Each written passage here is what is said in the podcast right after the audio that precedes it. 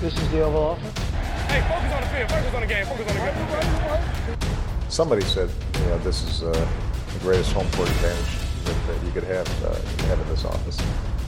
Hey, we need to step the f- up, man. So that's the Oval Office.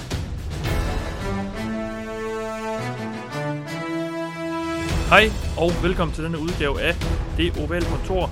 Vi er op til her kl. 8 om aftenen, mandag den 4. maj. Jeg hedder Mathias Sørensen, og med mig har jeg som altid Mark Kraften. Hej Mark. Hej Mathias. Og Anders Kaltoft er også med os. Hej Anders. Hej Mathias. Og sidst, men ikke mindst, Thijs Joranger. Hej Thijs. Hygge hej så, Mathias. Hygge hej så, ja.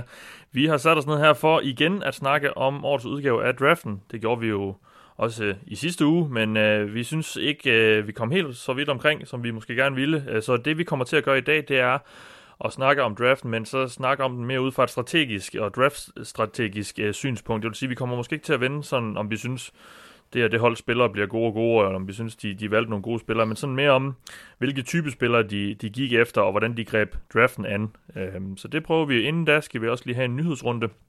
Der har været lidt at komme efter. Nu er vi jo gået ind i, i den døde øh, sommerperiode så småt her øh, i NFL, så der kommer formentlig ikke til at ske super meget over den næste stykke tid, men der er lige lidt på, på dagsordenen til os. Da inden vi går i gang, skal jeg som altid fortælle, at vi jo er bragt i samarbejde med dem, der støtter os på tier.dk. Da jeg sidst var inde og kigge, der var der 80, der gjorde det, og øh, det er en del flere end bare for et par måneder siden, så tusind, tusind tak til jer, der har tilmeldt jer. Øh, det, det er virkelig, jeg har sagt det før, og nu siger jeg det igen, det er virkelig overvældende at, at se, at I, at I så godt kan lide det, I rent faktisk har lyst til at betale for det, selvom I kan få det gratis. Det er super fedt, og hvis der er flere derude, der skulle have lyst til det, så kan man gå ind på 10er.dk og finde det ovale kontor og støtte os med et valgfrit beløb for hvert program. Nå, de her nyhedsrunde. Um, vi starter lige med Andy Dalton, fordi han er fortid i Cincinnati. Der var snak om i et par måneder nu, han skulle trades, eller han skulle fyres, eller han skulle sendes afsted til et eller andet hold. Det endte så med en fyring, fordi de til synligheden ikke kunne finde nogen tradepartner til ham Cincinnati, og øhm, så han blev fyret, og de sparede dermed en hel del penge. Og øhm, han har så valgt at skrive under på en kontrakt med Cowboys. Øhm, en etårig kontrakt, indtil videre i hvert fald, og øh, vi kan, vi, kan lægge, øh, vi kan lægge ud med et spørgsmål her, fordi øh, Katja Kvarne spørger, prøver Cowboys at presse Prescott til at skrive under på tagget, eller sænke sin pris til for en lang kontrakt, eller hvad er planen med at hente Dalton til Dallas? Tror jeg, tror jeg på, at der er et scenarie, hvor Prescott ikke bliver enig med Cowboys ude. Ja, Thijs, hvordan, hvordan ser du på det her? Jeg, jeg, han er vel helt klart udsat som backup, men spørgsmålet er, om de, de kan prøve, om det er et forsøg på at prøve at presse Prescott lidt. Det tror jeg ikke. Det, det tror Nej. jeg, det tror jeg ærligt talt ikke. Uh, det, det kan da godt være, at der er sådan 5% øh, tanke om, at hvad nu hvis Dak Prescott han overhovedet ikke har tænkt sig at skrive der på sit tag, og han vil køre et holdout hele året, eller hvad ved jeg. Men det tror jeg jo reelt set ikke på, at Dak Prescott kommer til. Altså, det, hvad, hvad er tagget på? Nogle af høj, oppe på 28 millioner, tror jeg, det er, eller noget stil. Tror det er over 30. Ja. Det er over 30 måske. Altså, det kommer Dak Prescott jo ikke til at sidde og sige nej til her i, i 2020. Så øh, altså, det, jeg, jeg ser ikke de to ting har noget som helst med hinanden at gøre. Jeg synes, Dak Prescott er øh, to eller tre eller fire niveauer over Andy Dalton lige nu. Så jeg synes ikke, der er noget som helst pres i det. Jeg ser det som, at Cowboys, de øh, ikke har følt sig super komfortable med deres backup-situation. De draftede også en quarterback i draften. En, en, en Ben DiNucci ud af, ud af en eller anden lille skole, som jeg nu engang kan huske, hvad var. Um, så de har jo tydeligvis ikke følt sig super komfortable med uh, Cooper Rush, som de så også har fyret, vel at mærke.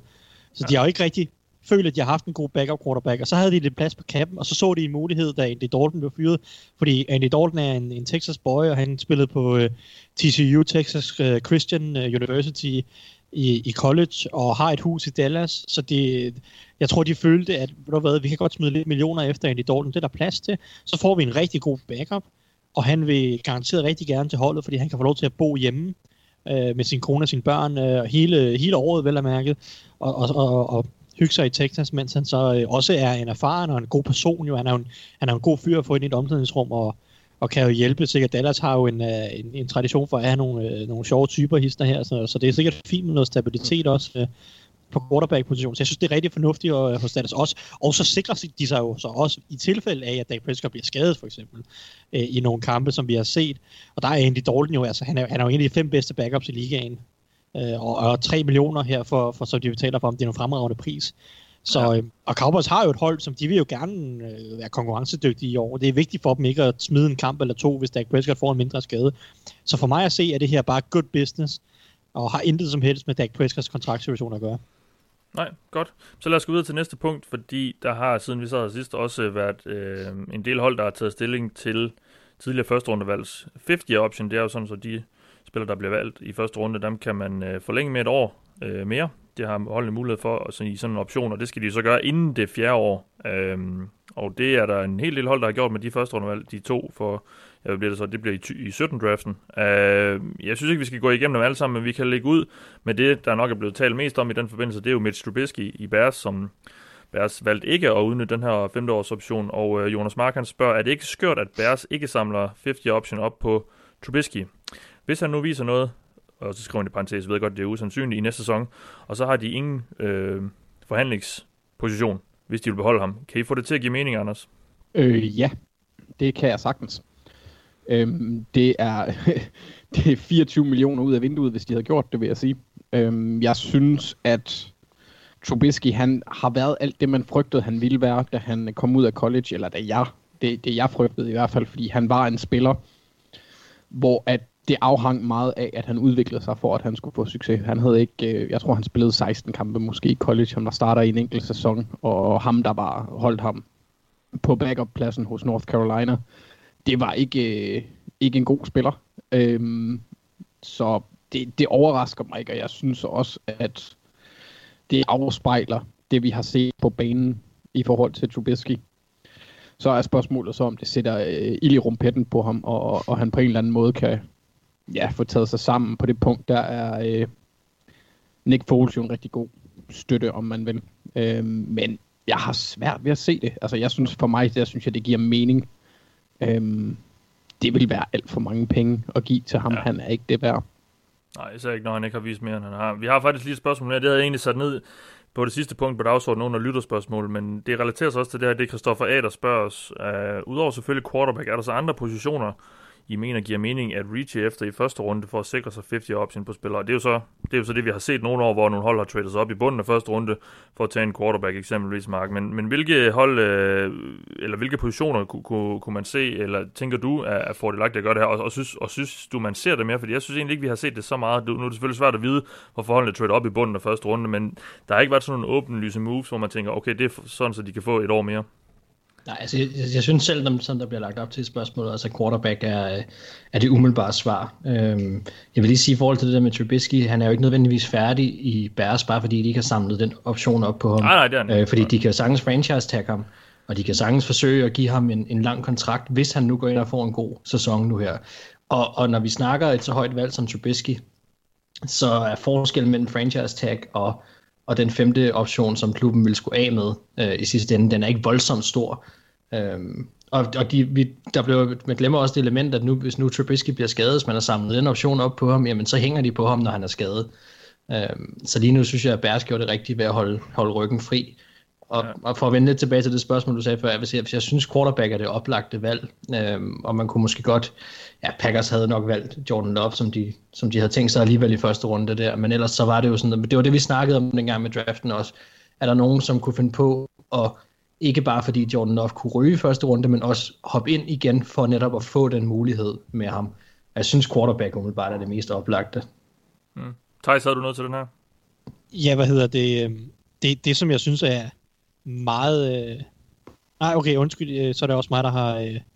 Jeg har, undskyld, øh, jeg, havde, jeg har faktisk troet, jeg, jeg blev lige tvivl, så jeg googlede også lige samtidig. Nej, jeg troede egentlig øh, faktisk, fordi en af ændringerne med den nye overenskomst er jo, at femteårsoptionerne er fuldt garanteret, hvilket de ikke var før. Ja. Øh, der var de kun garanteret i, i relation til skade, men det kan jeg se, at det først gælder for næste års øh, draft, øh, draftårgang. Så, okay. øh, så, så det har ikke nogen relevans til det her, men det vil sige fremover i hvert fald. Så øh, hvis du vælger at bruge den her option, så er den fuldt garanteret, uanset hvad. Mm. Øh, det er den så ikke for, øh, for Trubisky og company, skal jeg så se. Det, det gælder først for 2018 draft årgangen, som, øh, som jeg kan se.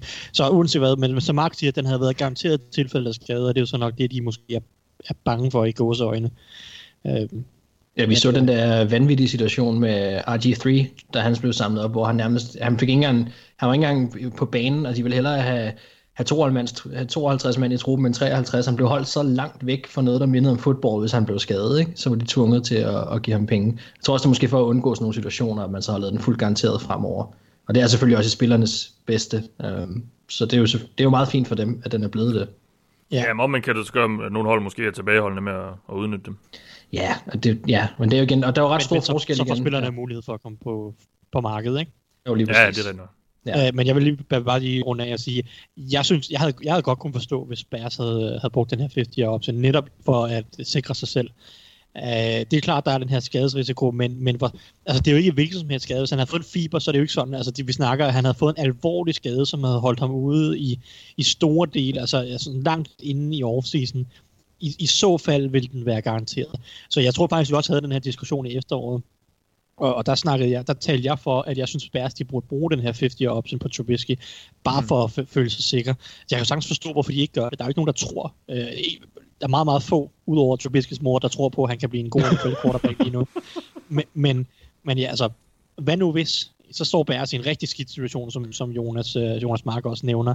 Så jeg havde egentlig godt kunne forstå, hvis, hvis Bears havde brugt den her. Det er klart, at, at Øh, det, det er måske ikke det risikoen værd i forhold til skade, men jeg synes, ikke, jeg synes ikke, det har været så tåbeligt at bruge den, hvis jeg skal være ærlig.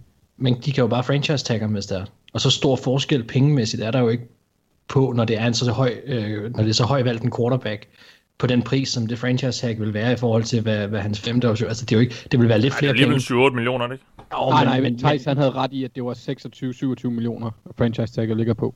det er ikke voldsomt stor forskel, hvis Trubisky går ind og vinder alt på en hel sæson, og man siger, hov, vi har en franchise quarterback alligevel. Altså, Men- Men, men Altså, Jeg ellers- jeg så, Prescott var, var blevet justeret til 31 et eller andet. ellers så kan de jo forsøge at give ham en lang kontrakt alligevel. Altså, og, og, og hvis, hvis han går ind og spiller godt for Bears i år, jamen, hvorfor skulle han så ikke vil tage den? Altså, Men, men, men Ja. det, det, som man, det, som man bare skal se, altså du taber jo noget leverage med franchise tagget, fordi du kan kun bruge franchise tagget, at du kan godt bruge det to gange, men anden gang bliver det meget dyrere, og tredje gang klart. kan du slet ikke. Altså, så, Nej, jeg ved så godt, i der var tilfælde af, at, I tilfælde af, at du, i tilfælde af, at han gør det øh, bedre, men du stadig er lidt i tvivl, altså hvor du ender i en Cousins-situation, så, så er det jo meget mere fordelagtigt at kunne bruge et 50 year, og så bagefter kunne franchise tagge ham i hans 6. sæson, vel at mærke, i stedet for, altså, du, det, det giver dig bare dig selv flere muligheder, hvis du har 50 option. Jeg ved godt, at du har en mulighed for at bruge franchise tagget selv, hvis du vælger decline 50 option, men du giver bare ikke dig selv alle mulighederne, og når du først bruger det første franchise tag, så er det meget, meget svært at bruge det næste. Ikke? Så det er sådan lidt, hvor langt vil du sikre dig, og det er klart, at i sidste ende kommer nok ikke til at betyde det store, fordi der er ikke rigtig, altså Trubisky bliver, bliver nok næppe en, en super god NFL quarterback, men, men jeg, altså, jeg, jeg havde godt kunne forstå, hvis de havde brugt den her option. jeg vil sige generelt, hvis vi snakker helt generelt, kan jeg godt give det ret i, at den approach er smart. Men her synes jeg faktisk, at Bears er smarte, fordi hvis vi tager den konkrete situation, så, så må chancen være så lille for, at Mitch Trubisky går ind og rent faktisk vil være de penge værd, man smed efter ham med den her option. Og så hvis det er, at han lige pludselig overrasker, så er det jo en, det er for mange, og også for Bears nok også en kæmpe overraskelse, og så må de så æde de 6 millioner, hvad det er, og så have et franchise tag, og så, og så finde ud af det med Trubisky bag kulisserne bagefter der, for han har jo trods alt ikke været andre steder end Bears, som, som man ikke, medmindre han bliver altså der virkelig kommer dårlig stemning i klubben, men de så ikke kan finde ud af det til den tid. Jeg synes, i den her konkrete situation, synes jeg faktisk, Bærs har gjort det rigtig fint, fordi der er så stor, ja, der er så lille chance for, at han vil være de penge værd næste år, og hvis alt skulle gå galt, så må de, så må de forsøge at redde den. Men det tror jeg sagtens, de kan. Enten med franchise tag, eller simpelthen sige, vi vil godt stikke dig en lang kontrakt. Det har de stadigvæk muligheden for. Så, så vil jeg lige sige til allersidst, der er jo også bare den mulighed, at Bears de allerede har givet op på Trubisky, og Nick Foles der også, de starter. Ikke? Ja. Det er jo det, jeg sagde, da de signede Nick, eller da de traded sig til Nick Foles, så sagde jeg jo, jeg tror, han starter week one. Og altså, man siger, der er ikke nogen grund til at bruge en 50 option på, på ham, hvis du alligevel ikke har tænkt sig at give ham chancen. Og det er nok det sidste, som Ja, vi skal have 100. sagt her, at, at der er jo ret, nok og ret stor sandsynlighed for, at Nick Foles, han, i hvert fald hvis han ikke starter sæsonen, så får betydelige starter i løbet af sæsonen, og så, altså, så er det jo lidt ligegyldigt. Yes. Godt. Ja, og så lad os uh, gå i gang med det, vi har sat os ned for at gøre, nemlig snakke om draften. Og som sagt, så vil vi gøre det lidt mere ud fra et strategisk synspunkt, så jeg har øh, spurgt de her, jeg har med mig her, om øh, hvilke... Jeg starter med at spørge dig om, hvilke, hvilke et hold, øh, nævne et hold, hvis øh, strategi de godt kunne lide. Og øh, som sagt, så er det altså ikke nødvendigvis, om, om vi synes, de har taget nogle spillere, som vi, som vi tror bliver gode, eller som vi synes er gode. Men det er mere, hvordan holdene greb draften an i forhold til needs, trades, værdi, positionsgrupper valgt, og lang versus kort bane har jeg også skrevet, og så videre. Så altså alt det, der ligger omkring selve spillerne. Øh, og Anders, øh, vil du ikke starte? Jo, øh, altså, jeg har jo for vane at snakke om Coles, når der bliver draftet, og det har jeg tænkt mig at gøre igen. Jeg kan rigtig godt lide deres draft, da de fik øh, voldsomt god værdi på de fleste valg, samtidig med, at de også havde øjnene på fremtiden og dybde. Altså, jeg synes, de ramte en, en overordnet set en, en ret bred draft her. Sådan, de spillere, jeg har inddelt det lidt som klare vind nu spillere, og, og så øh, spillere, der kan udvikle sig til potentielle starter, der så kan tage over for, øh, hvad hedder det, ja, nuværende starter.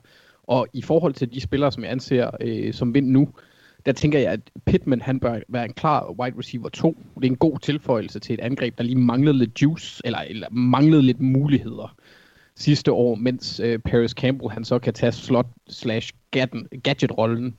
Og så synes jeg også, at det er interessant med Jonathan Taylor, øh, fordi han, han er en, en spillertype, der også passer ind lige nu, fordi han kan gå ind og hjælpe med det samme. Øh, Rivers er på en etårig kontrakt, der hjælper. Altså det, det, med den offensive linje, der kan det umuligt være dårligt at få en, øh, en running back af hans type, der sam, sagtens kan udfordre øh, Marlon Macks starterrolle, og ellers kan tage over, når Mack han engang bliver skadet, for det plejer han at gøre. Og så er jeg også øh, ret spændt på at se øh, Desmond Patman, øh, i forhold til, at han er næsten lige så høj som Mathias. Han er bare hurtig. Øhm, han, han løb en 4-4-8 øh, 40, og, og den type elsker Rivers, så lykkes det for Pittman og Pat, Pitt, jo, Pittman og Patman. Det var svært. Kom ja. med den. øh, så kan vi få en ny version af Vincent Jackson og Malcolm Floyd, og det tror jeg egentlig virker som, eller vil være en god mulighed for, for Rivers. Og så er der så også spillerne med udviklingspotentiale, hvor de jo fik Jacob Eason, quarterbacken, som nogen snakkede om i, i første runde på grund af hans armstyrke, men han blev taget i fjerde runde, hvilket nok også var den, det sted, han nok hørte hjemme. Han får exceptionelt gode muligheder for at udvikle sig under Reich og bag Rivers. Øhm, og så er der en spiller, som jeg også er lidt, tror kan blive ret spændende, og det er øh, Ball State Danny Pinter, der spiller guard. han skal umiddelbart være backup, men på sigt kan han jo tage over for Glowinski på højre guard. Så øh, Coles var faktisk så glade for ham under draften, at de arbejdede hårdt for at handle op efter ham, men øh, det, det, lykkedes åbenbart aldrig, siger Chris Ballard. Øhm, Pinter, han er, han er en type, der sådan matcher den linje, de har i forvejen. Han er blevet udnævnt som kaptajn flere gange i college, og blev også stemt ind som den mest hårdføre gut på holdet hos Ball State. Og det lyder bare som en indstilling, der ligner og matcher den, de har i blandt andet Quentin Nelson og Anthony Costanzo. Så for mig er det bare en spændende draft med muligheder for umiddelbar og langsigtet succes, hvis det hele sådan flasker sig. Hmm. Okay. Ja, du sagde, at det ikke ville komme til at handle så meget om spillerne, men hvis det gjorde det så lidt alligevel, Anders. Men, men for at opsummere, så, så, sådan som jeg forstår det, så, synes, så kan du godt lide den, fordi du mener, at dem, de har valgt, supplerer hinanden, supplerer hinanden godt, og supplerer det, Coles havde i forvejen godt. Ja, og så samtidig også fordi, at de, de så også tager spillere, der passer til, øh, hvad hedder det, til Philip Rivers. Og, og det, det er jo også noget, der skal have med, øh, de skal have med i tanken. Altså det er den der med, med, de har det ene øje på den umiddelbare succes nu, og så det en, andet øje på den langsigtede succes og så tager de spillere, der supplerer, som du siger, enten de huller, de har, eller der, hvor de har behov, hvis der kommer skader, og det synes jeg bare virker som en gennemgående fornuftig strategi. Ja, det, det, det som jeg godt kan lide også ved Coles, det er også nogle af de, øh, altså nogle af de personer, de hiver ind på det. Så jeg kan godt lide den måde, de fokuserer rigtig meget på, mm. på character, øh, eller hvad sådan, arbejdsmoral og sådan noget. Man kan godt stille spørgsmålstegn med Jacob Eason, og der har været nogle rygter fremme, at man måske ikke lige er den, der arbejder hårdest.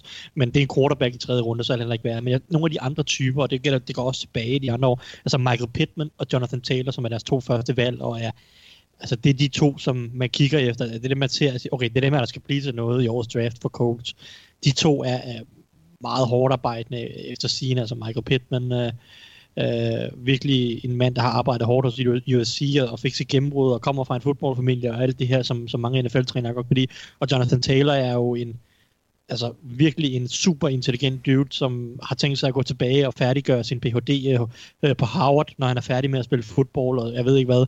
Altså det er sådan en rigtig, rigtig hårdt arbejdende type, der går sindssygt meget op i øh, også bare øh, altså community og, og, og, og, og skolen. Altså, det er sådan nogle rigtige, altså, det er bare nogle, nogle gode typer, tror jeg, for ind i omklædningsrummet. Jeg kan godt lide det fokus, Cole tager på, og ikke kun at drafte gode spillere, men, men også når de, de spillere, man tager højt, de skal også man skal føle, at de er lidt mere sikre uden for banen, ikke? at de har den rigtige støbning mm. mentalt, og det, det kan jeg godt lide i hvert fald med, med de to første valg, og så når du kommer lidt ned i, i de senere runder, kan du tage lidt flere chancer. Ja. Lad os lige tage et spørgsmål her, og det var faktisk også et, jeg har sat ind til, men nu, nu synes jeg faktisk også lige, det passer ind her. Det er Sigurd Lorentzen, der spørger os, øh, Han spørger også først, hvilke hold, der, der, der er gode og dårlige til at håndtere kappen. Det kan vi måske så tage senere, men han har et andet spørgsmål om, hvordan kan det være, at selv de, altså i går så en klogeste hold, koster GM's draft og running backs i de første to-tre runder, og så skriver han selv i parentes, Coles og Ravens valg af Taylor og Dobbins i år var skræmmende, siger han så. Øhm, jeg ved også, Anders, du er skeptisk over for Ravens' valg af Dobbins, hvad, men du kan så godt lide, at Coles har taget Jonathan Taylor? Jeg synes, at i forhold til, at de har en quarterback, der måske ikke engang er god næste år, men håb, oh, oh, hvad hedder det? Hopefully, skulle jeg til at sige. Jeg håber, jeg håber, at han er det. Der, der virker det meget godt, og i forhold til, øh, hvad hedder det, Coles running back situation, de har også, øh, er det Willis og øh, Joe, Jonathan Willis? Jeg kan ikke helt huske men de har Wilkins. også nogle to... Jordan Wilkins og Jonathan Williams. Tak. Tak. Sådan to lidt mere, mindre typer, og der, der Jonathan Taylor har, har man der lidt mere gods i, så han læner sig lidt mere op af den type, som Mac er, og Mac er bare skades prone. Så i forhold til at give Rivers de bedste arbejdsbetingelser, synes jeg, det er ret smart. Grunden til, at jeg var lidt pissed over det med Ravens, det stadigvæk er en lille bitte smule, men jeg, jeg er okay nu, øhm, det er, at vi har spillere der, og at systemet er langt vigtigere end, end selve running backen. Det, så, så det er derfor, det undrede mig. Det er ikke værk... Okay, Mark Ingram var lidt småskadet sidste år, og det havde selvfølgelig en effekt. Men de andre har ikke haft de problemer. Og jeg synes godt, at man kunne få en øh, Gus Edwards-type som undrafted eller senere. Så mm. det var derfor, jeg var lidt, lidt træt af den. Men for coach, der synes jeg egentlig, det giver fin mening. Godt. Jamen så lad os gå videre til Mark. Et hold, hvis uh, strategi skrøster tilgang til draften, du godt kunne lide. Ja, jamen øh, der er nogen, der virkelig er begyndt at blive, øh, blive rigtig varme som en af mine off-season darlings. Jeg, jeg, jeg synes Panthers var spændende inden draften, men det var også fordi, jeg var totalt meget i tvivl om, hvor de var på vej hen og hvad de ville med. Jeg synes, det var nogle sjove spillere, de fik. Og så ramte vi draften, og så lavede de bare noget helt vildt. De, de gik kun forsvar. Og jeg, jeg var faktisk ret vild med det. Altså, det må jeg indrømme. Det er jo en uh, strategi, som er meget sjælden. Jeg ved slet ikke, om det er, der har været en gentagelse, hvor vi har set det her. Øhm, men jeg vil også sige, at, at jeg ligger lidt deres draft sammen med deres free agency, fordi der adresserede de nemlig angrebet helt vanvittigt meget. Så for mig er det, er det lidt delt op i to. De brugte free agency til angrebet, og så brugte de draften til forsvaret. På en eller anden mærkelig måde. Men det er jo gået op for dem. Øhm, man kan sige, altså det, det jeg rigtig godt kan lide ved det, de gjorde i draften her, øhm, det var, at de ramte enorm god værdi på de spillere, de to. Øh, jeg har lige siddet og lavet øh, en draft-optakt på Google Klud. Nej, en draft-optakt en, en efter draften her. Sådan gik draften. Øh, og der gav jeg også Panthers topkarakter. Øh, og, og det var simpelthen fordi, jeg, jeg synes simpelthen, at de, de langt hen ad vejen adresserede deres needs, deres mangler rigtig, rigtig fint. De fik solid øh, værdi, og de fik mange spillere ind, og de havde gabende huller. Og man skal bare huske på, at det her det var et hold, der mistede Luke Kigley, og når man mister Luke Kigley, så mister man sin identitet på forsvaret. Og samtidig har de fået en ny head coach. Så det er jo ikke bare noget, man bare lige går ind og erstatter. Men, men specielt de tre første valg, de to, der er nogle rigtig, rigtig spændende byggesten, og nogle rigtig fine karakterer, og nogle ting, som, som Panthers kan komme til at leve på længe, tror jeg. Øhm, og, og det er det er rigtig, rigtig god værdi. Og den strategi, efter at draften var slut, og man ligesom kunne samle brækkerne om, hvad der var sket med den måde, de havde gjort det på, den kan jeg bare rigtig godt lide. Det er jo ikke noget, jeg siger, man kan kopiere videre til andre hold i fremtiden. Det her, det var så, øh, hvad kan man sige, så, så individuelt for det her hold, at, at fordi deres free agency var forløbet sådan, og fordi de havde mistet så mange spillere, jamen så passede det at gøre det på den her måde, og jeg, jeg synes, det er rigtig spændende, hvad de har gjort. Jeg er rigtig spændt på at se Panthers. Og så er de også bare i en position, hvor at deres division er så sindssygt hård. Altså den er virkelig, virkelig hård de, de kan kun overraske. Man, har, man, man behøver ikke have nogen forventninger til, at Panthers går ind og vinder den division. Det, det synes jeg i hvert fald ikke, man bør. Og så giver man altså de her spillere, som man har hentet ind nu, muligheden for lige så stille at bygge noget rigtig spændende op, uden det helt store pres fra start af.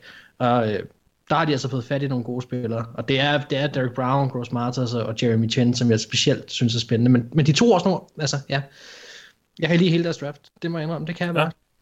Og dermed har du så også øh, svaret på Nikolas Lisevskis spørgsmål om, om det var klogt netop at kun at vælge forsvar. Det Altså, jeg var helt sikker, han, han, han blev mærke i, at de, at de udelukkende gjorde. Med, med alle det valg, og det var ikke kun topvalgene, det var jo simpelthen alle valg. det var hele vejen ned igennem, og jeg er helt sikker på, at man sagtens ville kunne finde nogen, som, som ikke synes det. Og, og jeg, jeg skrev også i den optag, jeg lavede, ja, ikke optag, i den artikel, at, at man kunne sagtens sidde og råbe på den offensive linje og sige mere dybde og, og, og flere spillere ind der og sådan noget. Og ja, det, det kunne man måske også sagtens have gjort. Men på en eller anden måde, så, så faldt draften bare ud for dem, hvor de fik enorm høj værdi, hvor de også havde mangler.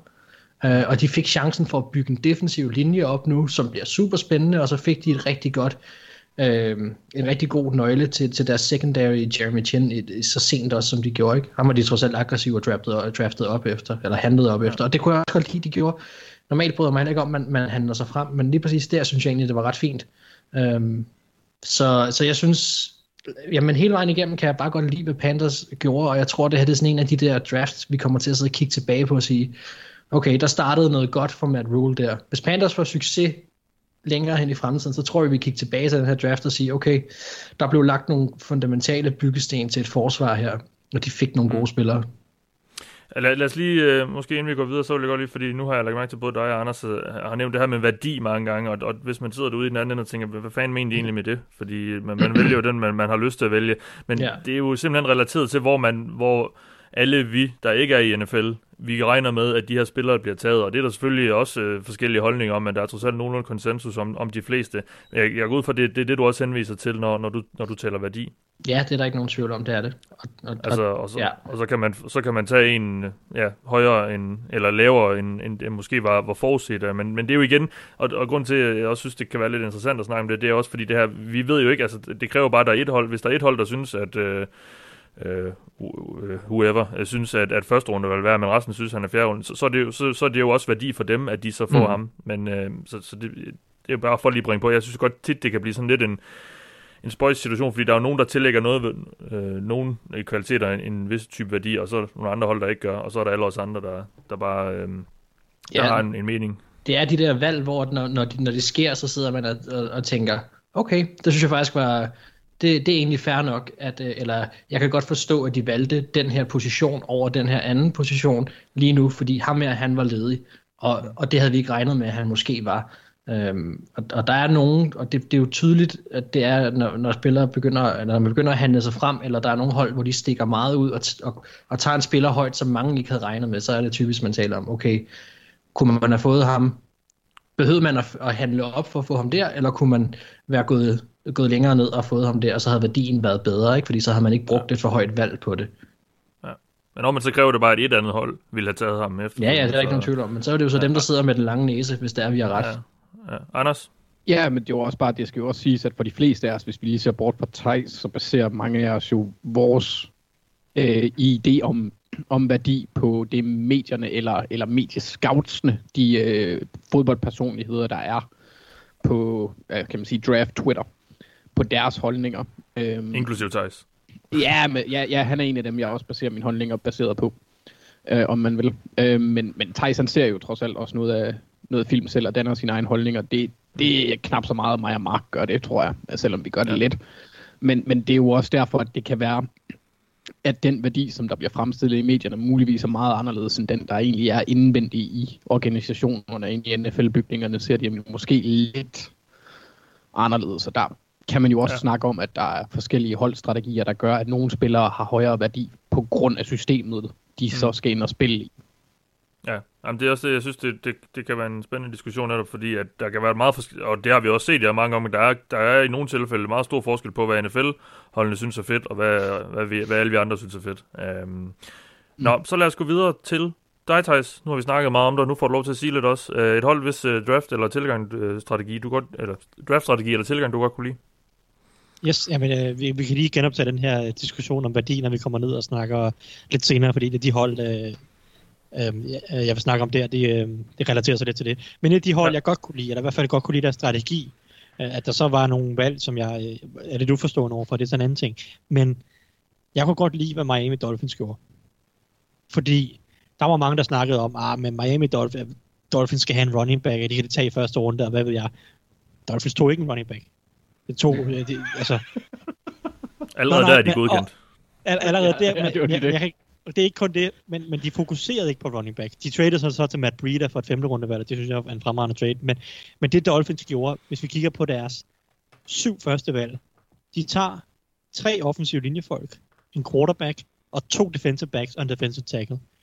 De tager en quarterback, som der kan kaste bolden. De tager tre spillere, der skal beskytte den quarterback, der kan kaste bolden. Og så tager de to defensive backs, der skal stoppe kastespillet. Og så tager de en defensive tackle, der jo er sådan lidt halvt, halvt om halvt, øh, halvt, halvt kastespil, halvt løbespil, eller hvad ved jeg. Øhm, men øh, udpræget fokus på at være god til at kaste bolden, og være god til at stoppe kastet. Og jeg kan bare rigtig godt lide den filosofi, fordi Dolphins kunne jo have gået i alle retninger. Du, du, kunne ikke, du kan ikke pege på en position, hvor man sidder og siger, ej, det giver simpelthen ikke mening for Miami Dolphins at vælge lige nu her. Altså udover en fodback eller en kicker, eller hvad ved jeg. De tog så en long snapper i 6. runde, kan man så sige. Men, men øh, altså, du, de kunne vælge frit på alle hylder, men der var ikke noget fokus på en running back. Der var ikke noget fokus på en linebacker. Øh, altså, det var fokus på high value positioner, øh, som virkelig, virkelig er vigtige for at blive gode til, altså være et godt hold i NFL på nuværende tidspunkt. De tager en quarterback også. Også en anden ting, som jeg jo var inden, hvad hedder det, inden draften var ude at sige, i hvert fald på min egen Twitter, at hvis Miami Dolphins med alt det draftkapital, de har, tre første rundevalg, to anden rundevalg, og hvad ved jeg, ikke tør at tage en quarterback i årets draft, så er de simpelthen nogle kyllinger. Altså, det er spillets vigtigste position. Hvis der ikke er en quarterback, du kan lide i, til det der femte valg, som de så havde, fair nok, så lad være med at vælge ham der. Men hvis du ikke med et af de næste fire valg i de første to runder tager en quarterback, så er du simpelthen en kylling. Fordi selvom der ikke er en mand, du er helt solgt på, så tag nu bare chancen, når du har så mange valg. Det er spillets vigtigste position. Han kan jo overraske. Det er jo set før. Så nu er de så at tage en quarterback med femte valg, og det er jeg stor fan af. Jeg synes, det var det rigtige valg, og så tage uh, Tua over Herbert og så videre og så videre. Så altså, jeg synes, jeg synes bare, det, det er fedt at se, et, de tager tage chancen på at, at, at tage en quarterback. Det kan godt være, det går galt, så må man prøve igen. To, mm. de kunne vælge næsten alle positioner. De fokuserer på offensiv linje, cornerback, primært, og så en safety også, ikke? Men altså defensive backs og den offensive linje, jeg synes, det er det helt rigtige. Også fordi, man kan så sige, okay, kunne der ikke have været en wide receiver? Jo, det kunne der måske godt, men så måske wide receiver er en af de få positioner, hvor de rent faktisk godt kan klare sig med dem, de har på nuværende tidspunkt, i, i form af Devante Parker, Preston Williams og ved Albert Wilson og så videre. Så, så jeg kan bare godt lide, at der er så stort et fokus også på den offensive linje. Uh, de tager Austin Jackson tackle, altså en guard uh, slash tackle i, i Robert Hunt, og, og endnu en guard i Solomon Kindley. Uh, altså, så, så er det sådan set så det kan godt være, at for mit vedkommende, at både Raekwon Davis, de to i anden runde, og Solomon Kinley, som de to i fire runde, var en 3-4 runder for tidligt for begge to. Det er lidt lige meget for mig, fordi igen det her med, så, så synes jeg, jeg synes bare, de går den rigtige vej. Jeg kan godt lide deres tankegang, jeg kan godt lide deres positioner, øh, og, og sådan, det ser fornuftigt ud. De tænker draften rigtigt, synes jeg. Øhm, og så, så, så er det ligegyldigt, at jeg, jeg er ret sikker på, at Raekwon Davis ikke bliver en god defensive tackle i NFL, fordi at, at jeg er bare stedig, ja, det mener jeg. Øh, men, men altså, så, så men altså, så jeg, kan godt, jeg kunne godt lide Dolphins fremgang, fremgangsmåde. Der var nogle spillere, som jeg ikke har valgt, hvor de valgte. Jeg havde heller ikke taget Austin Jackson i første runde, men altså, hvad fanden? Øh, Thijs, må jeg lige høre, øh, du sagde, at de to en øh, quarterback, der kunne kaste. Var det endnu en af dine øh, Lamar Jackson en running back slides, du lige skulle Nej, have det- der? Nej, nej, jeg tror mere, det var Trubisky måske. jeg vil ikke lige snakke så meget om ham. Nej, øh, altså... Det, Men vi det, kan... Ja, Thijs? nej, kør Mathias, jeg sidder bare og lukker. Ja, vi, vi, vi har lige et spørgsmål til, øh, til Tua, nemlig, og det er fra Finn Lindstrøm, øh, der spørger, det er altså ikke så meget relateret til selve draften, men mere fremtiden for ham og for Dolphins. Nu, nu han skriver, nu fik uh, Dolphins deres Tua, og der er jo ingen tvivl om, at han er fremtiden på quarterback. Men skal han spille for U1, eller er det bedre, at han sidder og venter, og så kan han så kan Fitzmagic styre spillet indtil øh, den offensive linje er på plads og kan beskytte Tua bedst muligt. Ja, det er, jo, det er jo et godt spørgsmål. Det kommer jo meget ind på Tua, synes jeg. Det kommer an på, øh, på, hvordan ser det ud med hans skade, hvor langt er han i sin genoptræning, hvor god ser han ud i training camp. Nu er der jo også hele den her faktor med, øh, hvor lang bliver training camp. Øh, der er ikke noget off-season program i, i form af OT, eller OTAs og så videre. Så hvor klar er han i spil U1? Det er svært at sige, fordi at, at højst sandsynligt så er der bare øh, en, en kortere periode ligesom at få ham op i tempo på. Så det, det, det afhænger meget af ture. Der er både hele skadesfaktoren, og så er der hele coronafaktoren, og, og, og de to faktorer er det, der kommer til at afgøre det. Altså hvis Tua er på et niveau, der er tæt på Ryan Fitzpatrick i week 1, så tror jeg, han starter. Men det er, det er der ingen garanti for, at han er, sådan som offseason har været, både for ham og alle de andre rookies i NFL. Øh, Så, så altså, skal nok komme til at spille i, i løbet af første sæson, og for om den offensive linje er dårlig, sådan er det bare. Altså, det, så må man ind og lære. Jeg skal selvfølgelig ikke øh, slagte ham fuldstændig, men, Og det, det kan jo så tale for, at Fitzpatrick får lov til at spille de første par kampe, i hvert fald lige får lov til at tage presset, af, presset af holdet og så videre, ligesom, ligesom han reelt også gjorde i, i 2019, der spillede han også de første par kampe, og den tabte de stort, og så kom Rosen ind på et eller andet tidspunkt efter de første 3-4 kampe, når alle kunne se, at Dolphins var et, øh, et dårligere hold. Øh, og så var der ikke så meget pres på, så viste det sig, så at Rosen stadig var dårlig, og så kom Fitzpatrick tilbage ind, og så gik det lidt bedre. Men altså, det, det kan godt være, at der sker noget lignende, men i sidste ende så afhænger det af Tua, hvor klar han er, øh, både skadesmæssigt og sådan, mentalt. Godt.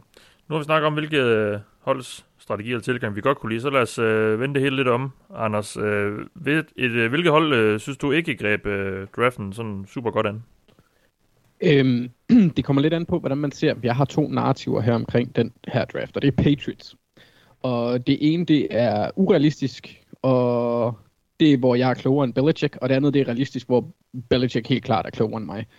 Øh, men lad os starte med den første, fordi jeg bryder mig ikke særlig meget om den her draft. Altså, øh, Patriots er jo kendt for at have den der tilgang, som bunder sig en lille bitte smule i, i en blanding af Jimmy Johnsons, øh, det han plejer at sige, blandt andet øh, hit me in the head if I take a dumb player. Og øh, der undrer det mig lidt, hvis man skal kigge lidt på øh, deres første valg, øh, at de tager en spiller, som i hvert fald ifølge Thijs ikke er særlig god til at læse spillet på et lavere college-niveau.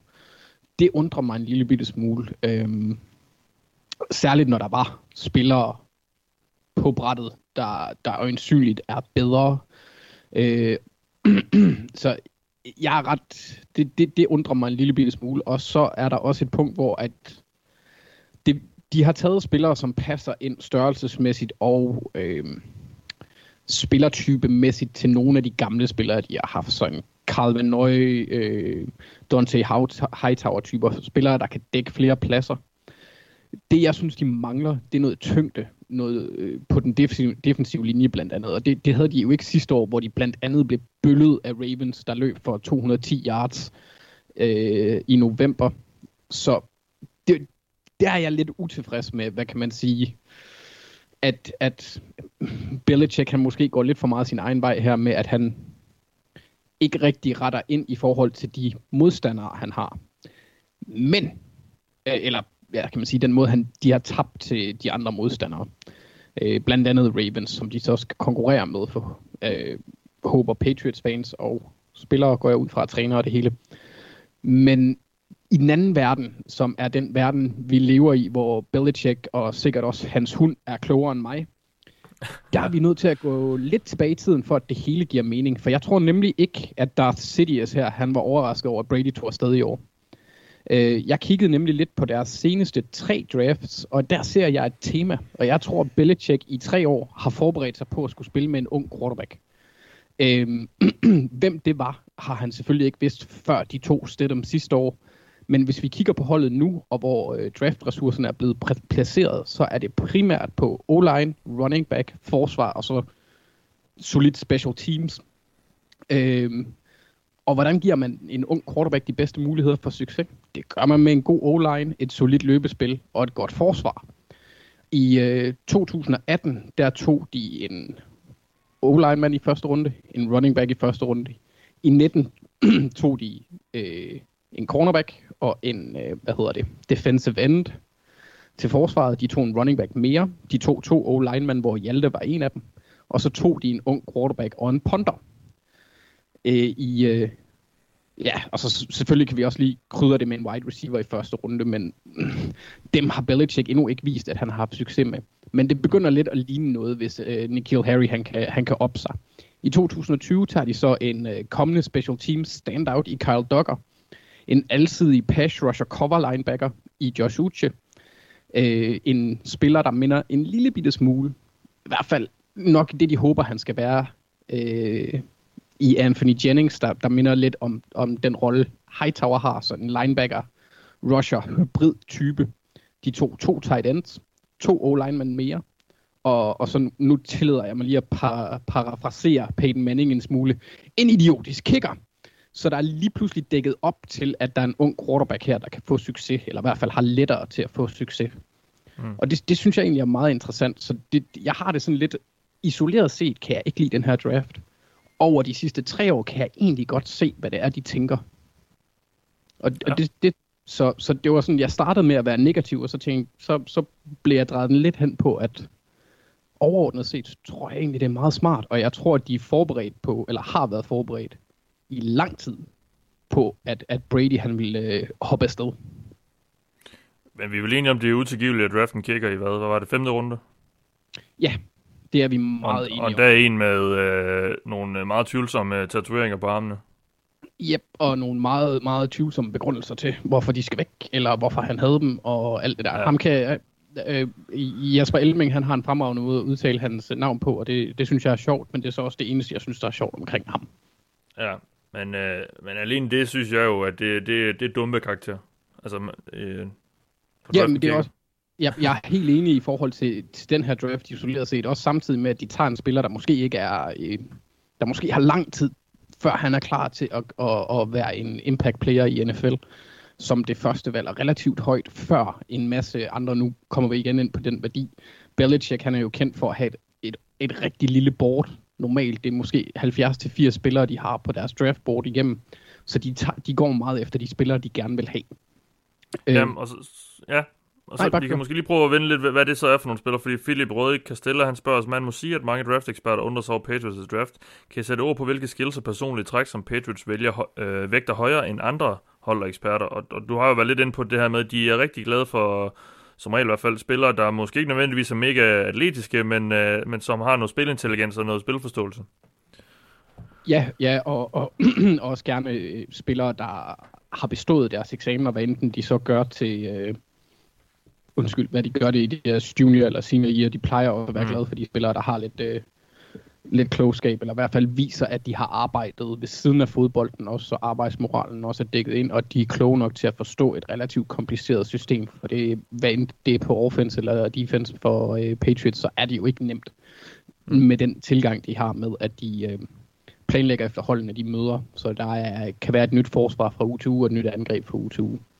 Øh, så vil jeg så sige nu, for det første vil jeg lige sige, at altså, der er ikke nogen, der siger, at jeg har ret med Kyle Dogger. Det kan da godt være, at han uh, bliver, en, bliver, en, bliver en rasende succes. Det skal man jo ikke afvise, bare fordi at jeg ikke synes, at han læser spillet så godt. Uh, anyway, så vil jeg sige, at altså, Patriots er jo... Jeg, jeg, jeg, jeg synes jo også, jeg synes Patriots er et spøjst draftende hold. Du siger, Mathias, du har jo ret i, de, siger, de tager ofte, ikke nødvendigvis nogle superatleter, men nogle kloge spillere, der spiller fysisk og øh, går til den på banen, og hvad ved jeg, sådan noget. Men jeg synes også bare ofte, at Patriots, de drafter nogle super usexede typer. Altså, meget, meget lidt upside. Altså, de, de, jo, jo, de arbejder hårdt og sådan noget, men de er ikke så atletiske, og mange af dem synes jeg ikke rigtig kan blive komplette spillere. Det synes jeg også, man ser i år. Carl Dogger, hvad er han? Er han linebacker? Er han safety hybrid? Det kan da godt være, at han kan blive en Patrick Chung, men altså, der er også lige så stor en sandsynlighed for, at han ikke rigtig finder en position, der passer helt til ham, fordi han er sådan lidt af det ene og lidt af det andet. Josh Uche er det samme. Han er halv linebacker, han er halv edge jo, det kan godt være, at han bliver en Kyle Van Nøje, men der er også en chance for, at han bare bliver ingenting, fordi han ikke rigtig kan være det ene, og heller ikke rigtig kan være det andet. Anthony, Anthony Jennings er det samme, også halv linebacker, halv edge. Kan han blive Hightower? Måske. Man kan også bare blive ingenting. Ikke? Dalton Keane, fullback eller tight end, hvad, hvad, hvad, hvad, han? Altså, han var H-back, mærkelig alt mulig rolle hos Virginia Tech. Hvilke planer har Patriots med ham? De har nok en plan, men altså, han kan også bare, altså, det er sådan noget mærkeligt, så tager de kicker, som du siger. Altså, det, det er bare så typisk Patriots, altså, i, altså, i 2019 tager de tre uatletiske typer højt, Joe John Williams og uh, Nikhil Harry og Damian Harris, uh, running backen der, den, den sidste, og altså 2018 en running back, og så tager de en, en halvuatletisk slot cornerback i Duke Dawson, og så to non-upside linebackers senere i draften, og 2017 har de ikke rigtig nogen valg, men, men de tager Derek Rivers, der er sådan lidt en tweener og edge rusher, mærkelig, og en slot cornerback i 2016. Altså, det er bare sådan nogle, det er sådan nogle mærkelige valg, de tager, synes jeg. Jeg synes, det er super mærkeligt. Det er sådan, det, det spiller, ja, der ikke rigtig også... har en position, og de spiller, som er sådan, ja. Altså, de er enten uatletiske, nogle af, mange af dem er uatletiske, Carl Dogger er atletisk, øh, hvis man skal give ham noget, ikke? Altså, det er bare sådan, jeg, jeg har svært ved at sådan, altså, jeg, jeg har svært ved at, ligesom, at føle noget for de her Patriots-spillere, fordi de, de vælger bare meget deres typer, mm. og det bliver sådan, for mig er det bare ikke nogen ret upside typer, det er sådan, måske kan de blive en rollespiller, og, og i, i første, anden og til dels tredje runde, der vil jeg bare gerne have mere personligt, men, men, men, men Belichick kan godt lide at vælge, altså han er jo også, når han tager en defensive tackle, så er det jo typisk de her lidt halvuatletiske, store, tunge øh, runstopper, altså Malcolm Brown tager han i første runde. Han er jo en okay spiller, der godt kan spille i NFL, men han er bare, altså, han, han er bare, øh, han er bare lidt tung, og sådan, giver ikke rigtig noget med kastet, og så tager han, altså sådan Jordan Richards type i anden runde, er også bare super mærkelig, og øh, det, det, er bare sådan, hvor, vi, hvor, vi, vi, hvor, vi må hvor også være ærlige at sige, at, øh, at det er sjældent, de, de, de virkelig rammer den i røven med de her draftklasser. Altså, jeg, jeg, Ja, jeg, det- kan ikke huske, hvor man, jeg kan ikke huske øh, ret mange. Jeg, jeg har svært ved at huske i hvert fald et, et år eller nogle år, hvor man sidder og tænker, "Hold- hold da op, det, det, de har virkelig fået noget ud af deres rookies. Øh, og jeg ved godt, det er ikke nødvendigvis forventning, at man skal have det i år 1, men, men det, jeg synes, der er meget udskiftning også i de der lidt halvhøje valg, som aldrig rigtig bliver til noget, og ja, nu nævnte du også Duke Dawson, altså ham, jeg ved ikke engang, hvor mange kampe han nåede at spille. Øh, jeg tror, han er videre nu igen, øh, hvis ikke jeg tager meget fejl, men Han er det, det, er sjældent, det, det, det er sjældent, de får ret meget ud af deres, øh, deres høje draftvalg især. Jamen, det er det, der er sådan lidt, det er det, der er lidt fordi jeg synes, de vælger de samme typer igennem hele draften. Altså, de vælger non-upside typer, der kan spille en rolle gennem hele draften. Og, og de typer er rigtig fine at vælge i 4., 5., 6., 7. runde, og der har de da også fundet spillere, der bidrager. En hel del endda, nogle af dem. Øh, Og så er de så rigtig gode, de er generelt øh, gode på den offensive linje, skal jeg sige. Så den offensive linje tager de ret fornuftige valg øh, langt det meste af tiden, ja. også i, altså både første, anden og hele vejen ned igennem. Men på mange, altså specielt sådan noget som defensive back, defensive tackle, linebacker, wide receiver, jeg synes, det er nogle mærkelige typer, Patriots der. Og, og, og nogle gange så virker de jo, altså det er der jo ikke nogen tvivl om. Jeg synes bare, der, det er bare sådan, de, de, de vælger dem ind i en rolle, fordi altså Belichick kan godt lide at have de her spillere, der er gode til én ting. Og det er jo også fint nok, men så vælger du en spiller i anden runde, som er god til én ting, men ikke rigtig kan blive en komplet spiller, og det er sådan, de kan godt blive en god spiller alligevel, men de bliver aldrig en superstjerne, og i, i, lidt, jeg har lidt lyst til, når jeg drafter, så vil jeg gerne have, fordi du rammer alligevel ved siden af så meget, det gør alle hold, så vil jeg gerne have, at du går efter nogle typer, der har lidt mere upside. Altså, så når jeg rammer rigtigt, så rammer jeg rigtig rigtigt, hvis I forstår, hvad jeg mener. Ja. Og det synes jeg, at Patriots har en tendens til at gå efter nogle lidt for low upside typer højt i draften. Øh, og specielt der i anden runde har de haft mange misser med, med både nogle af deres wide receiver og, og nogle af deres defensive backs. Altså, der er for lav upside. Ja, ja, altså, der er for lav upside. Og der er for mange af de der hybridtyper, synes jeg. Jeg synes også, det er gjort i år. Altså Anthony Jennings og Josh Uche og øh, Dalton Keane og sådan noget. Det, det er for hybridagtigt til mig. Kan, kan jeg ikke få en spiller, der øh, ikke risikerer at ende mellem to stole? Jeg synes, de har en tendens til at gøre det med, med, med mange spillere. Altså, øh, og, og det, det, Mm. og, og- og Beli- Belichick er jo, han ved jo øh, mere end fodbold, øh, eller han har glemt mere om fodbold, end jeg nogensinde kommer til at vide, ikke? Men, men det er bare, det er så underligt. Jeg, jeg kan bare ikke, jeg, kan- jeg kan ikke følge det i hvert fald. Men, mm. men det er jo så også bare, det, det er nok bare mig, der er dum. Øhm, nej, men jeg havde også lige, den sidste ting alligevel ind, den kom Thijs også lige kort ind på, det er, at, at en draft-strategi, som Belichick næsten altid har, det er, at han vælger dårlige spillere i anden runde, der aldrig bliver en succes. Jeg tror, hvis øh, Jimmy Garoppolo og, Mus, og så, øh, hvad hedder det, Gronk. lige præcis, det er praktisk talt alt, hvad der er kommet igennem i anden runde. Ah, Sebastian Wormer var selvfølgelig også godt, men der er vi igen tilbage til det med det offensiv linje, det kan de finde ud af. Men ellers så er det konsekvent, at han bare misser på anden rundevalg. Godt. Så lad os gå videre til dig, Mark. Øh, et hold, øh, hvis draftstrategi eller tilgang, du ikke er vild med. Ja, den øh, ellers så dejlige Anne Linnet, hun sang en gang, at øh, du har sat, sat dig på tværs i mit indre univers. og øh, jeg sætter mig som en prop i Sean Paytons indre univers, og med armene over kors, og er mega på tværs lige nu. Fordi Ja. jeg synes sådan set egentlig, at de spillere Saints endte med at få, var ret fine. Men jeg gider bare ikke, at man trader sin draft væk. Det synes jeg simpelthen bare er en ærgerlig strategi, og jeg kommer ikke til at forstå, hvorfor man gør det. Der vil være få... Jeg tror, jeg tror det her det er, det er meget sådan personligt synspunkt, jeg virkelig har på det her, ikke? Men, men man kan sige, jeg, jeg bryder mig generelt ikke om, at man handler frem i en draft. Så skal der, der kan være ting, hvor det giver mening, og sagens rammer faktisk en med Zach Bourne, hvor det gav mening, synes jeg, at man, at man henter ham. Øhm, men det er mere sjældent, at det, end, end, hvad kan man sige, end at det er godt, at, at man gør det. I hvert fald efter min holdning. Og når de så smider resten af deres draft væk, nu er det godt nok til Vikings, de, de sendte deres draft picks, men, men det kommer jeg bare ikke til at forstå, og jeg er næsten ligeglad med, hvem de havde fået. Så bryder man bare ikke om den strategi. Og jeg ved godt, at Saints er i et win now mode. Det er efterhånden også træt af at høre på. Det, det synes jeg er åndssvagt. Altså, der er også football efter Drew Brees, og, og, og jeg ved godt, at, at man skal gøre så meget som muligt for at samle hold omkring nogle quarterbacks. Jeg kan også godt lide, hvad de gør i Tampa. Men Tampa beholdte trods alt mange af deres draft picks, og fik fat i nogle spillere, som...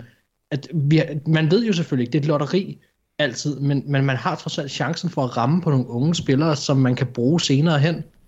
Og du kan bruge dem til alt muligt. Det er altid godt at få rookies ind. Uh, enten så kan du ramme de her uslebne diamanter fra fire runder ned efter, Øh, eller ikke også, så, så har du nogle spillere, som, som du kan bruge til at trade væk til nye draft picks, eller til øh, en genopbygning, hvis det er det, der måtte komme efterfølgende osv. Jeg kommer bare ikke til at forstå, hvordan det er god draftstrategi at give hele den sin draft væk, som Saints gjorde. Og, og for mig, altså, det, det er lidt ærgerligt, fordi de, de fik i hvert fald to spillere med deres to første valg, som var kanon gode valg. Øh, men, men derfra, og det er jo det, vi snakker om nu, det er draftstrategier og tilgangen til en draft. Og hvis, hvis det er den tilgang, de er gået ind med, at, at jamen, vi behøver ikke vælge særlig mange spillere, fordi vi skal bare bruge et par enkelte til at plukke ind i det, vi laver nu, og så kan vi vinde en Super Bowl så synes jeg, det er ærgerligt. Det synes jeg bare ikke er godt nok. Og det, det, det, jeg er næsten ligeglad med, hvad argumentet er på den anden side. Det kommer jeg nok ikke til at være enig i. For jeg synes altid, der er en fordel i, at man kan hente rookies ind, øh, og man ved aldrig rigtig helt, hvad man har, før man selv får lov til at træne dem og udvikle dem og se, hvad de kan blive til. Og det synes jeg bare er essentielt for en klub. Det er nerven i klubben. Det er rookies. Det er at få de her ind igennem systemet hele tiden og forbedre, hvordan, hvordan træner vi dem, hvordan gør vi dem til det, man kalder Saints-spillere eller Panthers-spillere, hvad man nu end vil, hvordan får man dem her til at blive en del af holdet og vores kultur. Og det udvikler jo på så mange geleder. Det udvikler trænere, det udvikler spillet, deres playbooks, deres idéer, alt. Og jeg synes, det er så ærgerligt, at, at Saints de sendte de der 3-4 picks væk, altså som det var. Det, jeg, kan, jeg kan overleve det, hvis nu at der var en quarterback eller et eller andet, som de mente, at, at det her det er værd at sende hele draften efter så sent, fordi nu har han faldet så meget jamen fint, der er jo i NFL, så er der quarterbacks, og så er der resten. Og det er jo en unik situation, hver gang man, kan, man føler, at man kan få fat i en quarterback, der kan noget. Så der havde jeg måske bedre kunne leve med det, men, men, men jeg har stadigvæk svært ved det. Jeg synes, man skal som udgangspunkt beholde sin pick så meget som muligt, og ellers så synes jeg, at der er, der er god værdi i, i, i senere runder at prøve at, at trade tilbage og prøve at ramme på flere spillere, i stedet for at fokusere på én enkelt spiller hele tiden. Med mindre at det selvfølgelig er en, som vi har snakket om, at der, der er jo nogle gange nogen, der falder, og så, så er det en no-brainer. Men, men ligger vi med dem, som er ravl og krat, eller hvad man skal sige, normalt, jamen så, så kan jeg bedre lide den strategi, der hedder, at jeg vil hellere have tre femte rundevalg, eller to femte rundevalg til at ramme, end selvfølgelig slet ikke noget, eller bare et enkelt. Du har stået lærer ved Rick Spielman. ja, jeg ved godt, jeg, jeg, er nok, jeg er nok rimelig meget farvet på den måde, og, og det, man kan sige, det var ekstremt, det han gjorde i år, men det er jo selvfølgelig noget, han altid har gjort. Og det er jo ikke kun ham, der er jo også andre klubber, der excellerer i det. Øhm, men, men, men det må jeg bare indrømme, det er også bare noget, jeg personligt rigtig godt kan lide. Fordi hvis, hvis man skal have et, et af de her femte rundevalg, der bliver Stefan Dix, eller hvem end det nu måtte være, et, et, altså hvis nu man skal ramme nogle af de her spillere, så bliver man, så bliver man sgu også nødt til at, at have lidt at skyde med i nogle af de runder der.